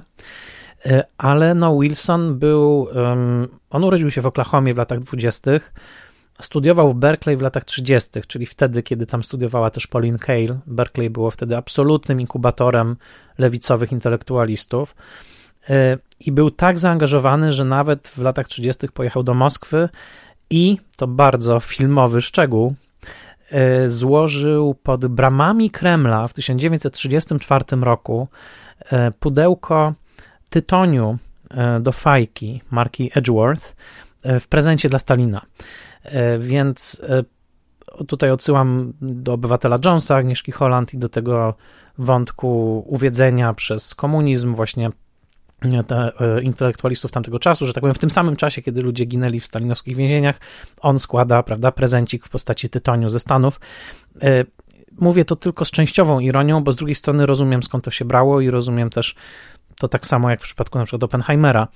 E, e, to był, to był czas po prostu innego przepływu informacji, a przy okazji czas, e, w którym z kolei amerykański kapitalizm był bardzo, bardzo mm, nieprzyjemnie rozhasany, jeżeli chodzi zwłaszcza o deptanie praw mm, robotników. Później Wilson walczył w Marines na Pacyfiku, Dostał Oscara zresztą za scenariusz do filmu Miejsce w Słońcu, wedle bardzo, bardzo lewicowej powieści Teodora Dreisera, takiej krytyki właściwie kapitalizmu amerykańskiego. E, no i mm, to był człowiek bardzo zaangażowany, który miał też duży dystans do tego całego systemu amerykańskiego kapitalizmu, sławy i tak dalej do tego stopnia, że kiedy dostał tego Oscara za miejsce w słońcu, to e, e, nałożył mu taki czarny kaptur na główkę temu Oscarowi, właśnie też, żeby zasygnalizować no takie e, no, no, i, i to swoje wpisanie na czarną listę, ale też taki dystans do samej tej do samej tej nagrody. Michael Wilson był świetnym scenarzystą. Przypomnę, że nagrodzona Złotą Palmą przyjacielska perswazja o rodzinie kwakrów to film Williama Wylera, to był film napisany przez Wilsona, mimo że jego nazwisko nie pojawiło się na ekranie. Ten film także był nominowany za scenariusz, mimo że scenarzysta nie mógł być nominowany za scenariusz, to przedziwna też sytuacja. Wilson, i to mogę potwierdzić, bo też przytacza całą strukturę w swojej książce Adrian Turner. Wilson wydaje mi się faktycznym autorem struktury mm, Lorenza ścieżka, drabinka rozwoju tej postaci od idealizmu, e, w ogóle od ramy czasowej, od śmierci, poprzez tego młodego Lorenza, który jest idealistą, który gasi zapałki palcami, który jest przekonany, że umysł triumfuje nad materią, a wyjazd na pustynię to będzie niezła zabawa, poprzez tego Lorenza, który zaczyna we własnym przekonaniu czynić cuda, e, ponieważ zdobywa Akabę, ponieważ wbrew etosowi Arabów ratuje pojedyncze ludzkie życie z pustyni, mimo że e, wedle pragmatycznych Arabów e, ten gaz im powinien być zostawiony e, samemu sobie. Ten sam Lorenz, który potem doświadcza upokorzenia w postaci owego gwałtu w tureckim więzieniu, który potem jest zmieniony, który rzuca się w nihilizm, destrukcję, w zniszczenie, zabijanie który doprowadza Arabów do Damaszku już niemalże w nihilistycznym geście, żeby tylko pokazać, że tylko on jest w stanie to zrobić. Ten Lorenz, który odjeżdża w ostatniej scenie yy, i widzimy jego twarz właśnie za tą przydymioną szybką, ten Lorenz, który jest cieniem samego siebie, który zrozumiał, że nie da się przeskoczyć własnej cielesności, że ten gwałt jest takim brutalnym sprowadzeniem właśnie do rzeczywistości cielesnej. On po tym gwałcie bierze ze swoją skórę, pokazuje ją Alemu, mówi: Zobacz, jakiego to jest koloru, nie przeskoczę tego ciała, nie będę Arabem. Ten Lorenz to jest, to jest twór Michaela Wilsona. Robertowi Boltowi trzeba absolutnie dać pierwszeństwo, jeżeli chodzi o dialogi. Adrian Turner w swojej książce przytacza i sceny pisane przez Wilsona, i sceny pisane przez Bolta. Wilson miał cięższą rękę, jeżeli chodzi o dialog. Ten dialog jest bardziej deklaratywny, bardziej polityczny, e, bardziej jednoznaczny. Dialog Bolta jest kunsztowny, wypełniony e, bonmotami, wypełniony krótkimi linijkami dialogu, które błyskawicznie komunikują, które często są dowcipne. Więc mimo, że nie była to de facto współpraca, ponieważ panowie głównie potem się kłócili o to, kto ma większe prawo do tego scenariusza, obecnie na kopiach, które krążą, już są wpisane obydwa nazwiska i słusznie, e, to okazało się to świetne połączenie dwóch różnych pisarskich talentów. Swoją drogą o stopniu zaangażowania Michaela Wilsona, stopniu zaangażowania politycznego może świadczyć, że on w 1969 roku napisze inny biopic, inny film biograficzny, tym razem o Che Guevarze, to film Richarda Fleischera, a Robert Bolt w trakcie pracy nad Lorenzem, kiedy już trwały zdjęcia, a on był pomiędzy pierwszą częścią scenariusza a drugą, został aresztowany. Uczestniczył w takich protestach na Trafalgar Square przeciwko zbrojeniu się atomowemu. Przypomnę, to jest czas y, kryzysu kubańskiego, to jest przełom lat 50., 60., groźba atomowa krąży w powietrzu. E, no, Bolt został aresztowany w trakcie tych protestów, i tutaj dochodzimy do niebywałego przecięcia filmu i życia, mianowicie Bolt twardo siedział w tym więzieniu. E, pamiętajmy, to jest człowiek, który napisał Oto jest głowa zdrajcy, czyli człowiek, który napisał sztukę o niezłomnym Tomaszu Morusie. Tutaj też pozdrawiam e, podkarpacki szlak filmowy, no bo ten film potem zrobi Fred Zinnemann, urodzony w Rzeszowie no to była wymarzona sytuacja w pewnym sensie, podkreślam, w pewnym sensie pod względem moralnej, e, moralnej wagi, to była sytuacja idealna, żeby Bolt mógł za, za, zamanifestować swoje przekonania, prawda? Autor sztuki A Man for All Seasons. Oto pokazuje, że on nie jest Man for All Seasons, że on nie zmienia się jak chorągiewka, tylko jeżeli trafia do więzienia, to trafia do więzienia za swoje przekonania, jest to szlachetne i tak dalej ale sam Spiegel miał film do nakręcenia. Pierwsza połowa już była w dużej mierze nakręcona. No i był potrzebny scenariusz części drugiej, a tylko Robert Bolt mógł go ukończyć, więc sam Spiegel pojechał do Roberta Bolta i powiedział mu: Słuchaj, jesteś takim, wspierasz prawa pracownicze, no właśnie zaraz przez ciebie zwolnię 200 czy 300 osób, ponieważ film zostanie zostanie przerwany. Jeżeli chcesz być odpowiedzialny za bezrobocie tych kilkuset osób, to proszę, to siedź dalej w więzieniu i nie pisz. I podobno Robert Bolt bardzo się wahał, ale złamał się i podpisał takie mm, orzeczenie, że nie identyfikuje się z poglądami komunistycznymi czy coś takiego e, i wyszedł z tego więzienia. E, I podobno mm, dodajmy, nie była to sytuacja zagrożenia życia, tak, nie mówimy to o takich dramatycznych sytuacjach, jak chociażby w człowieku, y, oto jest głowa zdrajcy, tak, no, gdzie faktycznie Tomasz Morus zapłacił własnym życiem za swoje przekonania. To, to nie była ta sytuacja, ale w głowie Roberta Bolta trochę to była taka sytuacja. I on podobno był przeżarty poczuciem winy za to, że podpisał ten dokument i że wyszedł.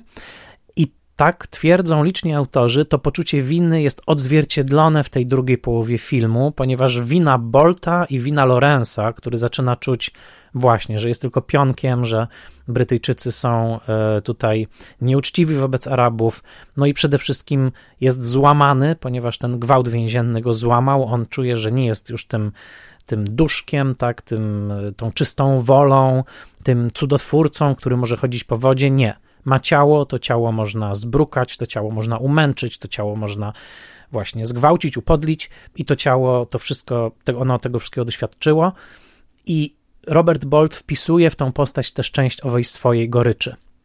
Y, I to jest bardzo interesująca interpretacja, i wydaje mi się, że można to tak y, pokazać. Oczywiście mm, cierpienia więzienne Lorenza Sarabi w ogóle nie przystają do tych kilkunastu dni w więzieniu, jakie spędził Robert Bolt. Y, natomiast faktycznie w jego głowie to, że dał się namówić Samowi Spiglowi, to, że nie został w tym areszcie, Mm, było dla niego rodzajem zdrady sprawy, w którą autentycznie wierzył, w sprawę rozbrojenia, więc ciekawe, że też ten pierwiastek, ten odłamek osobisty Bolta w Lorensie się w Lorensie się znalazł. Nad tym wszystkim czuwał także specjalny, mm, specjalny konsultant od spraw właśnie arabskich, Antony Nutting, który zresztą był dyplomatą i pomagał Samowi Spiglowi przekonać króla Jordanii, żeby pozwolił żydowskiemu producentowi kręcić na jego ziemi. To się udało. Zresztą sam Spiegel zdobył od jednego z prałatów angielskich zaświadczenie, że wszyscy, którzy pracują przy Lorencie z Arabii są chrześcijanami, co było ważne, bo wtedy na teren Jordanii nie mogli nawet wjeżdżać e, Żydzi.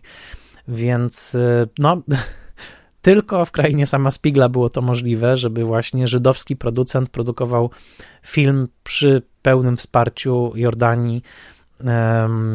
No, interesuje jeszcze w tym tyglu, prawda, arabskich arabskich wpływów. E, Antony Nutting doradzał, ale nie zawsze był słuchany. E, Lin od początku był bardzo nakręcony i podniecony sceną przy studni, bo wiedział, jaki to będzie cudowny efekt, kiedy z tej kropeczki na horyzoncie powoli wyłoni się Omar Sharif. Nutting zawsze krzyczał i mówił, że żaden Arab nie zastrzeli drugiego Araba przy studni, że jest to po prostu niemożliwe. W filmie jest to uzasadnione, że Tafas nie miał prawa pić z tej studni, bo to nie była studnia jego plemienia. Nutting uparcie mówił, że to po prostu byłoby niemożliwe i tutaj licencja poetyka e, zwyciężyła. Więc mamy obsadę, mamy scenariusz, który łączy Lorenza z tymi dwoma lewicowymi intelektualistami tego czasu, którzy, dodajmy, w epoce już po wojnie o kanał Suezki, to lata 50., i po tym, kiedy ta, to Imperium Brytyjskie już się właściwie rozkruszyło, też w epoce zimnowojennej, w epoce, w której dokładnie na ich oczach rośnie mur berliński i są te wielkie starcia ideologiczne komunizmu, kapitalizmu, oni oczywiście wpisali w ten scenariusz tak, że to wszystko, co było ważne dla nich i, i warto też czytać Lorenza nie tylko jako tekst o I wojnie światowej, ale Lorenza jako tekst o latach 60., o tych napięciach politycznych tamtego czasu.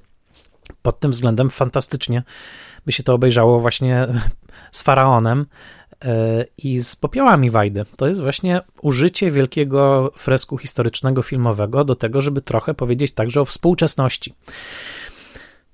Mm, pierwszy klaps na planie filmu padł właśnie w Jordanii. E, to jest 15 maja 1961 roku i to jest dokładnie to ujęcie, kiedy Lorenz już zdmuchnął zapałkę w Kairze. Te sceny później będą nakręcone w Hiszpanii, ale i po raz pierwszy po tym zdmuchnięciu zapałki jedno cięcie montażowe N Coates, uważam, że najlepsze cięcie montażowe w historii kina, sorry Stanley Kubrick, e, zabiera nas właśnie na pustynię i tam widzimy te dwa punkciki, dwa wielbłądy, dwóch jeźdźców, którzy są gdzieś na szczycie wydmy, przesuwają się powolutku. To jest pierwsze ujęcie nakręcone do tego filmu, to jest 15 maja 61 e, roku. E, Jebel El Tubeik, 400 km na wschód od Akaby. Obecnie jest to teren Arabii Saudyjskiej, tam te pierwsze klapsy padły, produkcja była duża, towarzyszył jej cały obóz tak naprawdę, zresztą podobno z nie, z nie najgorszą kuchnią e, i to były długie zdjęcia, bo zdjęcia się przedłużyły, trwały ponad półtorej roku, z przerwami oczywiście. Jordania, e, Hiszpania, Maroko, częściowo studia e, w Londynie. Pamiętajmy, że kręcimy na taśmie, więc Lin nie od razu widział efekty swojej pracy. Te taśmy musiały być wysyłane do Londynu, do laboratorium. To wszystko się ślimaczyło. To była długa, kosztowna produkcja, z której zresztą w końcu sam Spiegel musiał niemalże wołami czy wielbłądami odciągać Davida Lina, bo on by chciał jeszcze kręcić i kręcić i kręcić, a e, rachunek tylko i wyłącznie e, rósł, ale towarzyszyły temu też pewne napięcia polityczne. Turkowie się niepokoili, czy ten film ich nie obrazi. E, kobieta, która była jedną z sekretarek planu, uwaga, wyszła za króla Jordanii, który kręcił się w pobliżu planu. Wybuchła między nimi miłość, ona przeszła na islam, on miał cudowną e, żonę, bardzo się kochali, e, ale Guinness podobno był bardzo towarzyski, jednocześnie był świeżo po przejściu na katolicyzm, był bardzo, bardzo wtedy wierzący, to było tuż po tym, jak jego syn e, wygrał walkę z polio i podobno bardzo krzyczał na kogokolwiek, kto krytykował katolików, więc a, a dwóch młodych E, ogierów, tak powiem, przepraszam, e, Peter O'Toole i Omar Sharif cały czas płatali e, żarty, a w przerwach jeździli do Bejrutu, latali samolotem i podobno bawili się tam bardzo dobrze, odwiedzając wszelkie możliwe kabarety i różne przybytki rozkoszy. Było to dwóch dwudziestoparoletnich przepięknych aktorów, którzy nie dość, że się bardzo polubili, to bardzo lubili razem imprezować i jak sami mówili, większość zdjęć byli albo na kacu, albo pijani, albo palili haszysz, więc pamiętajcie też o tym, kiedy patrzycie w te ich zamglone oczy, czasami nawet wpatrzone w siebie, bo jak David Lean mówił, zawsze patrzył na ten film jako na opowieść miłosną o Alim i o y, Lorensie. Y, plany filmowe zawsze mają coś w sobie z Beduinów pośrodku pustyni, a ten plan był rzeczywiście pośrodku pustyni i rzeczywiście na dodatek e, zatrudniano e, lokalnych statystów. Była to chwilami prawdziwa armia na prawdziwych wielbłądach. Skala tego filmu jest do dzisiaj nieprawdopodobna. Gdyby dzisiaj ten film kręcono, to oczywiście byłoby to czarowane komputerowo. Tutaj faktycznie widać to wszystko na ekranie jest to dosyć, mm, dosyć niesamowite. Przy czym całej produkcji towarzyszyły duże niepokoje wytwórni Columbia, ponieważ wisiało w powietrzu takie pytanie, czy tego typu wielki spektakl w ogóle jeszcze jest opłacalny. Pamiętajmy, że w tym samym czasie jest kręcony właśnie Bunt na Bounty, za chwilę wydarzy się katastrofa Kleopatry e, Józefa Mankiewicza, więc cały czas pytano, czy rzeczywiście tędy droga, prawda, żeby kręcić e, tak duże filmy za tak duże budżety. E, towarzyszył temu spory niepokój. Na szczęście w tym przypadku film okazał się wielkim, wielkim sukcesem. Jednym z operatorów, e, który trzymał kamerę i który pomagał nią operować, był Nicolas Rogue, e, późniejszy twórca mm, Nie oglądaj się teraz. On także opowiadał dużo o realizacji tego filmu, zwłaszcza w Hiszpanii, gdzie między innymi realizowano sceny wysadzania linii kolejowej pomiędzy Medyną a Damaszkiem. I on mm, asystował reżyserowi André de Totowi, który w latach 40. wyreżyserował dużo dobrych noirów, a tutaj był drugim reżyserem odpowiedzialnym właśnie między innymi za te sceny wysadzania tureckich pociągów. W tym wszystkim David Lean wedle wszelkich relacji czuł się jak ryba w wodzie. To był jego żywioł. Wielki film, szeroki ekran, bohaterowie z wyrazistymi konfliktami postaw, aktorzy, których uruchamiał na różne sposoby. Lin także wdał się na, w romans na planie tego filmu, jak zresztą robił często, zmieniał także często małżonki e, i podobno tryskał energią i pomysłowością, jednocześnie był w wykonaniu scen niebywale dokładny, często obsesyjny, chwilami nawet być może kubrikowsko obsesyjny. Ale zwróciłbym tutaj uwagę na to, że Lin naprawdę stąpał po terenie, jakiego nikt wcześniej przed nim nawet nie dotknął, ponieważ nie było jeszcze wcześniej filmu, który by z jednej strony spełniał wszelkie wymagania kina przygodowego, a z drugiej strony był prawdziwym historiozoficznym traktatem o tak nieoczywistym i dziwnym bohaterze.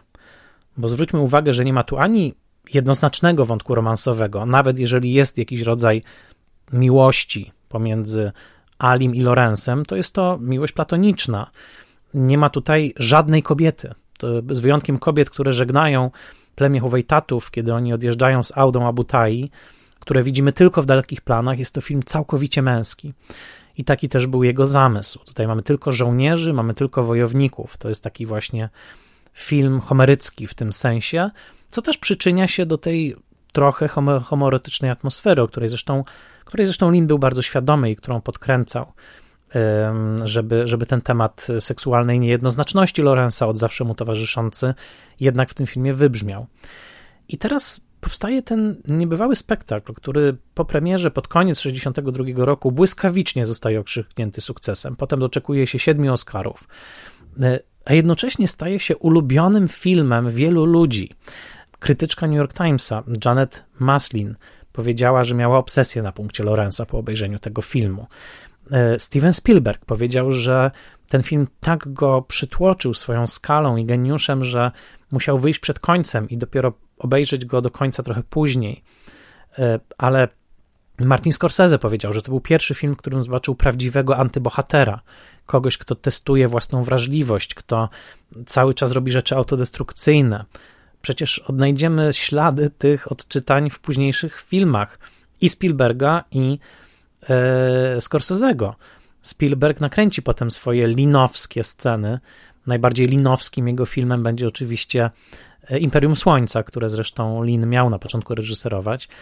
Ale no, nawet ja uważam, że lista, lista Schindlera jest quasi remake'iem Lorenza z Arabii, bo portret Schindlera w tamtym filmie dużo zawdzięcza tej niejednoznaczności, którą mamy w portretowaniu Lorenza. Zresztą scena, w której Schindler jeździ na koniu wokół Krakowa i obserwuje likwidację getta, uważam, że jest wprost wizualnie zadłużona e, w linowskim fresku.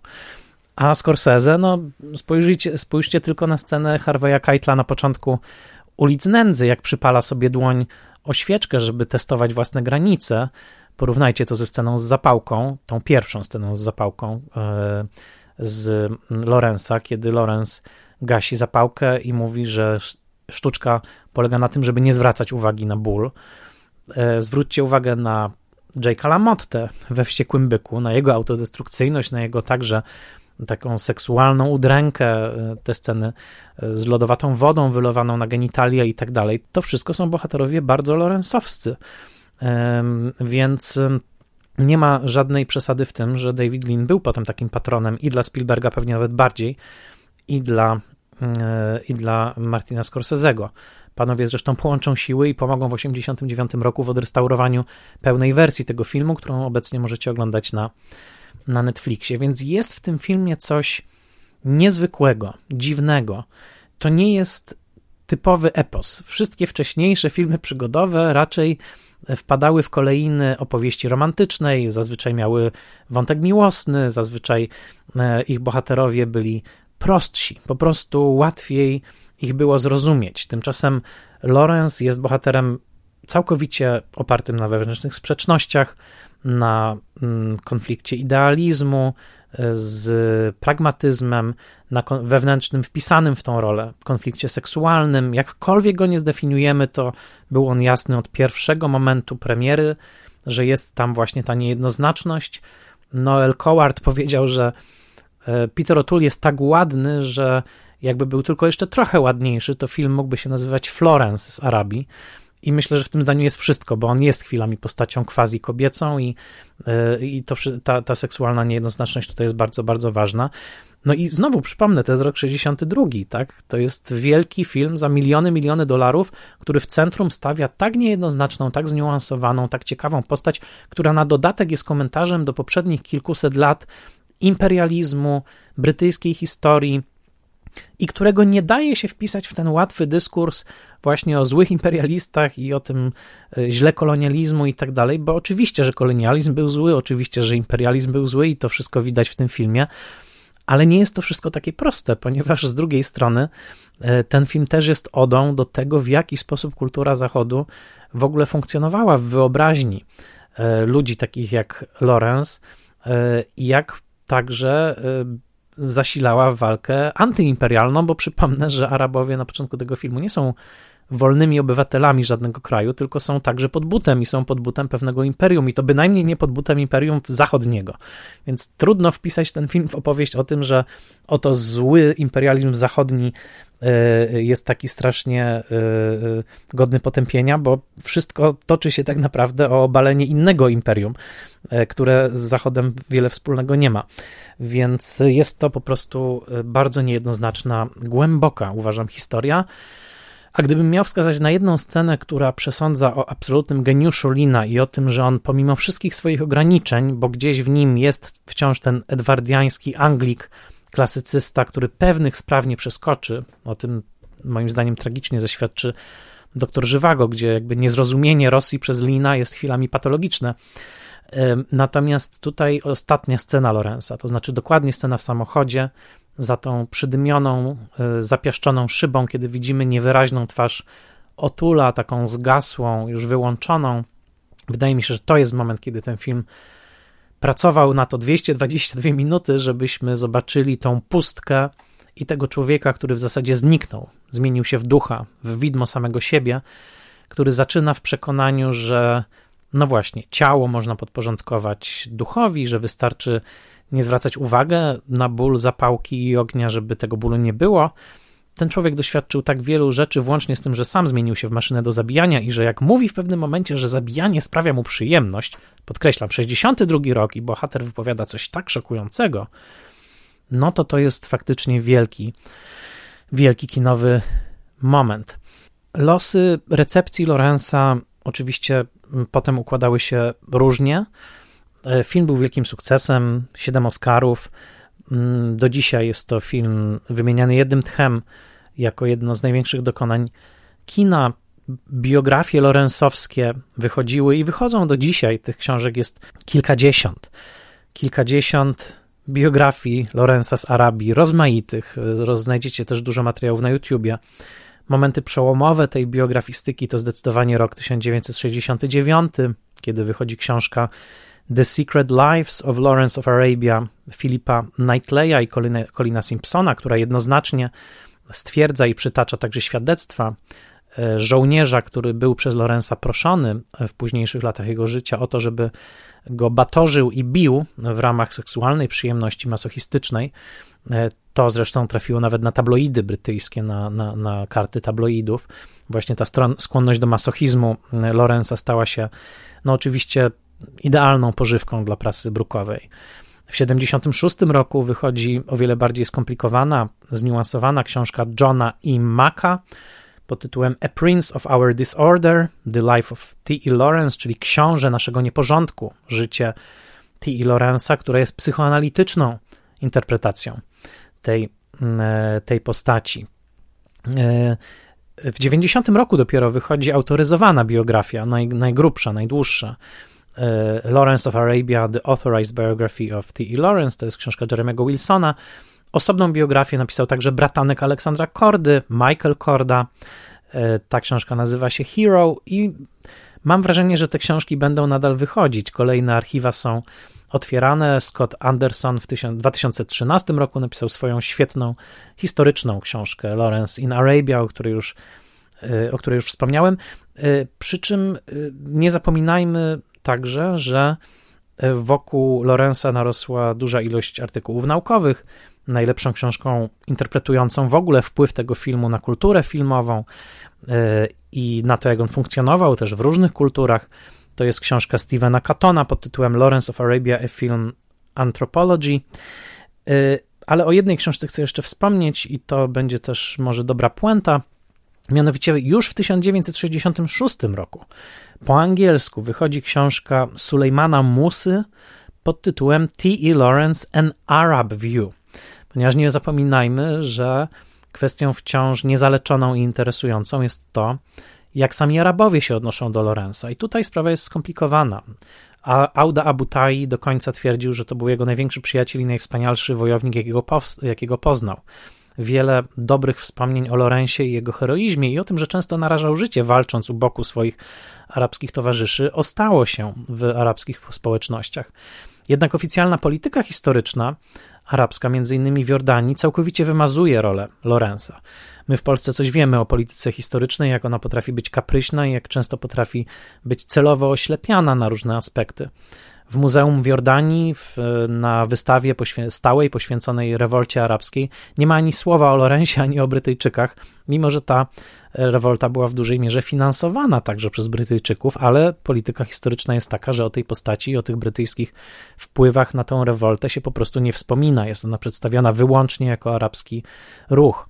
Książka Sulejmana Musy z 1966 roku, ów wspomniany T.E. Lawrence An Arab View, jest też książką bardzo sceptyczną wobec Lorenza. To jest książka, to jest książka polemiczna, która przede wszystkim zwraca uwagę na to, że w tym romantycznym geście uwznieślenia Lorenza i uczynienia go geniuszem taktycznym i strategicznym pomija się rolę dowódców arabskich, którzy y, i na poziomie plemiennym, i na wyższym poziomie potem zorganizowania odegrali kluczową rolę w tej rewolcie i ona by się nie powiodła bez nich. Więc Arabowie mają absolutnie prawo do bardziej sceptycznego i gorzkiego spojrzenia na Lorenza, a jednocześnie nie da się zaprzeczyć, że w wielu przypadkach to on stawał po ich stronie w momencie, kiedy nikt inny już nie stawał e, na Zachodzie, i to najbardziej boleśnie objawiło się w trakcie paryskiej konferencji pokojowej, gdzie oni nie mieli innych przyjaciół po zachodniej stronie niż właśnie Lorenza, który narażał także i swoje dobre imię, i swoją, swój polityczny byt w ramach tej wierności Faisalowi. Późniejsze losy Bliskiego Wschodu są oczywiście tragiczne i jesteśmy 22 lata po wydarzeniach 11 września, 20 lat po inwazji Ameryki na Irak. Wiemy, jak źle poszła ta inwazja i późniejsze próby zarządzania w Iraku, wiemy o narodzinach państwa islamskiego, wiemy, że te sztucznie wytyczone granice przez zachodnie e, siły na terenach byłego Imperium Osmanów bynajmniej nie zażegnały dawnych zatargów, bynajmniej nie odpowiadały E, faktycznym liniom e, geograficznym rozmaitych etniczności tamtych stron. No i wiemy, że ta historia wciąż się dzieje na naszych oczach. E, było tutaj więcej aktorów, innymi Gertrude Bell, której z kolei film poświęcił Werner Herzog, tam zagrała ją Nicole Kidman i pewnie przez wiele jeszcze dekad będziemy analizować wypadki związane i z Lorenzem, i z późniejszymi konfliktami na Bliskim Wschodzie, ponieważ nieuchronnie zderzamy się tutaj z zachodnim spojrzeniem, które jest takie jak Lorenz, czyli indywidualistyczne, homeryckie, heroiczne, skupione na budowaniu zachodnio pojętej państwowości, ze spojrzeniem zupełnie innym, spojrzeniem e, arabskim, spojrzeniem wschodnim, które ma inne parametry, inne paradygmaty i wcale nie musi zgadzać się z naszym. E, tak się składa, że pod względem terytorialnym i politycznym jednak Y, te dwa światy się ciągle spotykają, wchodzą ze sobą w rozmaite y, i alianse, także handlowe, ale także gwałtowne konflikty, więc świat, w którego budowaniu pomógł i świadomie, i mniej świadomie T. i Lawrence, jest z nami do teraz. Jest to wciąż tak samo aktualna postać, a na Bliski Wschód nieustannie patrzymy z niepokojem, ze względu na ciągle targające tamtą częścią świata konflikty, które wcale nie są tak daleko naszej rzeczywistości. Y, I nie muszę nikogo przekonywać, jak bardzo mm, systemem naczyń połączonych jest współczesny świat. Lorenz Arabi działał w świecie, w którym inaczej myślano o mapach, inaczej myślano o historii, inaczej myślano w globalnym kontekście, ale Faktem jest, że wciąż żyjemy w świecie, w którym pewne linie demarkacyjne zostały wyznaczone właśnie po e, rozpadzie Imperium Osmańskiego i być może wciąż nie otrząsnęliśmy się z e, tego pyłu, który wciąż opada po upadku tamtego wielkiego politycznego bytu. Film Lawrence Arabi w tym kontekście jest i artefaktem kina lat 60., wielkim spektaklem w stylu jaki już nie wróci i o skali, jakiej już nigdy nie zobaczymy, e, przynajmniej fotograficznie, bo komputerowo to co innego, ale jednocześnie zadaje pytania o podmiotowość zachodnią, o jej uwikłanie w historię światową, o kolonializm, o imperium, o dominację jednej kultury nad drugą, ale także o zakochanie się jednej kultury w drugiej i o zatraceniu się w tej kulturze, które wydaje mi się, że są do dzisiaj aktualne, nawet jeżeli każda kolejna dekada będzie do nich przystawiała trochę inne pudło rezonansowe. Już zbierałem się do puenty, ale jednak chcę mm, pod koniec tego odcinka powiedzieć jeszcze parę słów o Davidzie Linie. E, Lawrence Arabi jest jego arcydziełem, jest najważniejszym filmem jego kariery, jest jednocześnie szczytowym punktem tej kariery. To jest film, który no, został przyjęty entuzjastycznie jako pewne w ogóle apogeum ambitnego spektaklu filmowego, zapewne najważniejszy tego rodzaju duży film od Przeminęło z wiatrem mm, z 1939 roku. No i film otrzymał 7 Oscarów y, za film, dla reżysera, za scenariusz. Y, co prawda tylko Bolt, ale po latach także przyznano nagrodę Wilsonowi. Najlepsze zdjęcia, najlepsza scenografia, najlepszy dźwięk i najlepszy montaż, oczywiście także najlepsza muzyka dla Maurice'a Żara. Co ciekawe, aktorzy nie otrzymali nagród, mimo że Otul był nominowany za najlepszą rolę męską, a Omar Sharif za rolę drugoplanową. Sukces był ogromny. Lin pisał e, do Bolta, te, ta korespondencja się zachowała, że był to dla niego niebywały awans w pewnym sensie. E, oczywiście już można rzec, że Kwaj był takim filmem, ale ten film jeszcze bardziej potwierdził jego klasę i to po tym filmie E, podchodziło do niego wielu filmowców, których do tej pory on podziwiał jedynie z oddali i gratulowali mu, mówiąc, że to jeden z najinteligentniejszych wielkich spektakli hollywoodzkich. Billy Wilder między innymi to zrobił, ale także King Vidor, na którego wielkiej paradzie jeszcze w latach kina niemego David Lean sam mówił, że po raz pierwszy zachwycił się wizualnymi możliwościami e, kina. A trzeba wam wiedzieć, że dla Davida Lina najlepszym możliwym komplementem w ogóle e, było, jeżeli ktoś mówił o jego kinie jako o kinie intelektualnie wyrafinowanym. David Lean przez całe życie miał wielki kompleks swojego brata, który był intelektualistą w rodzinie i który pogardliwie wypowiadał się o Davidzie i także o jego filmowej pasji. I David Lean zawsze chciał być widziany jako intelektualista, jako ktoś e, głęboki.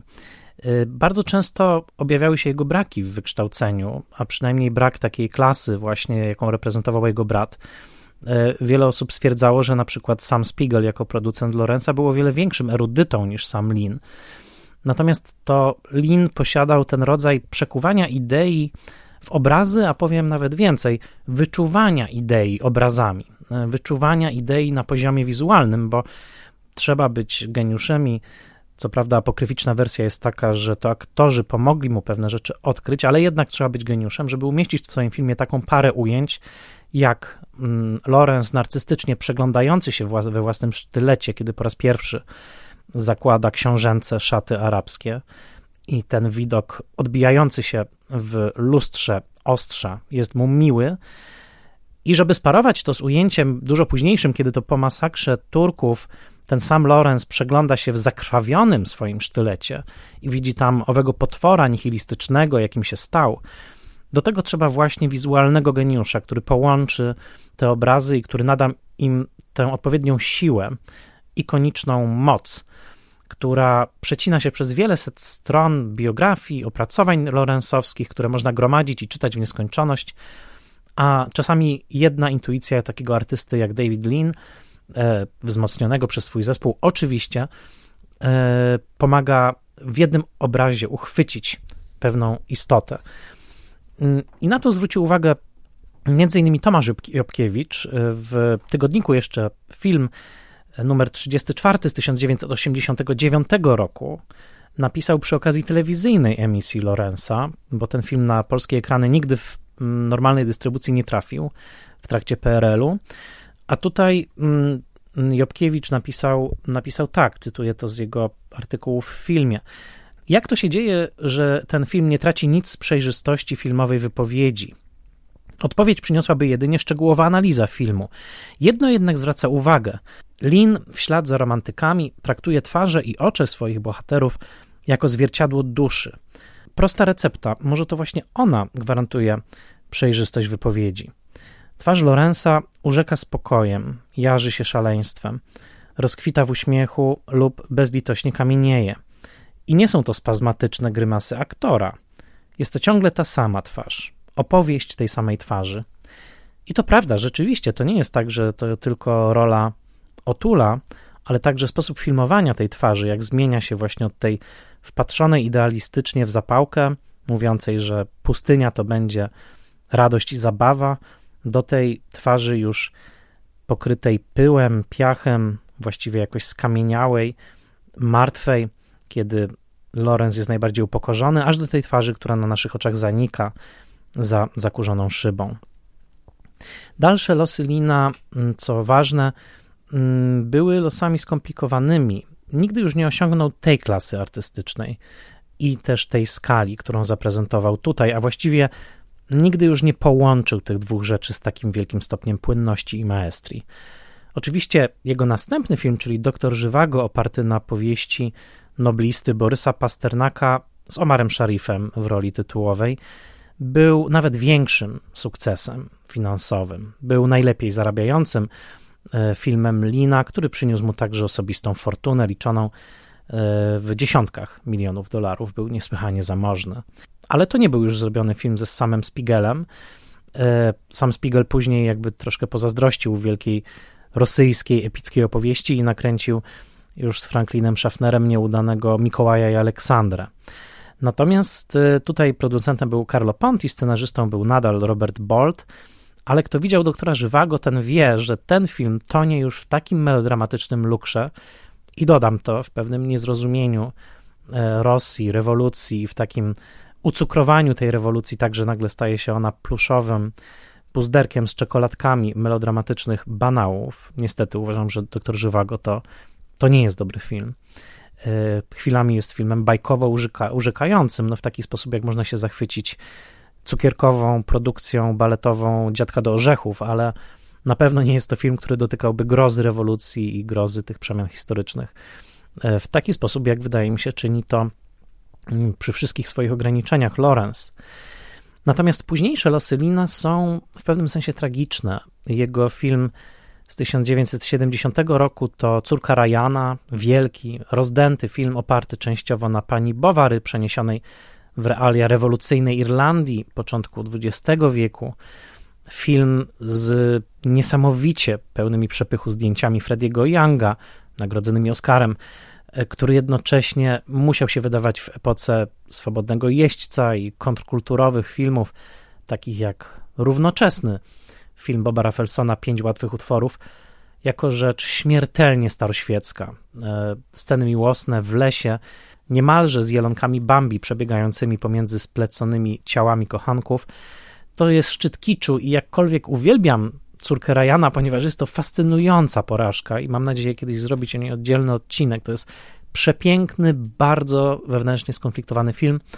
O tyle reakcja krytyki na ten film była tak brutalna, że jak sam David Lean mówił, e, zabolała go tak osobiście, że wycofał się z filmowania. Podobno Pauline Kael była jedną z tych osób, która najmocniej go skrytykowała w trakcie pewnego nowojorskiego przyjęcia e, i on tak poczuł się ugodzony tymi słowami, że przestał kręcić.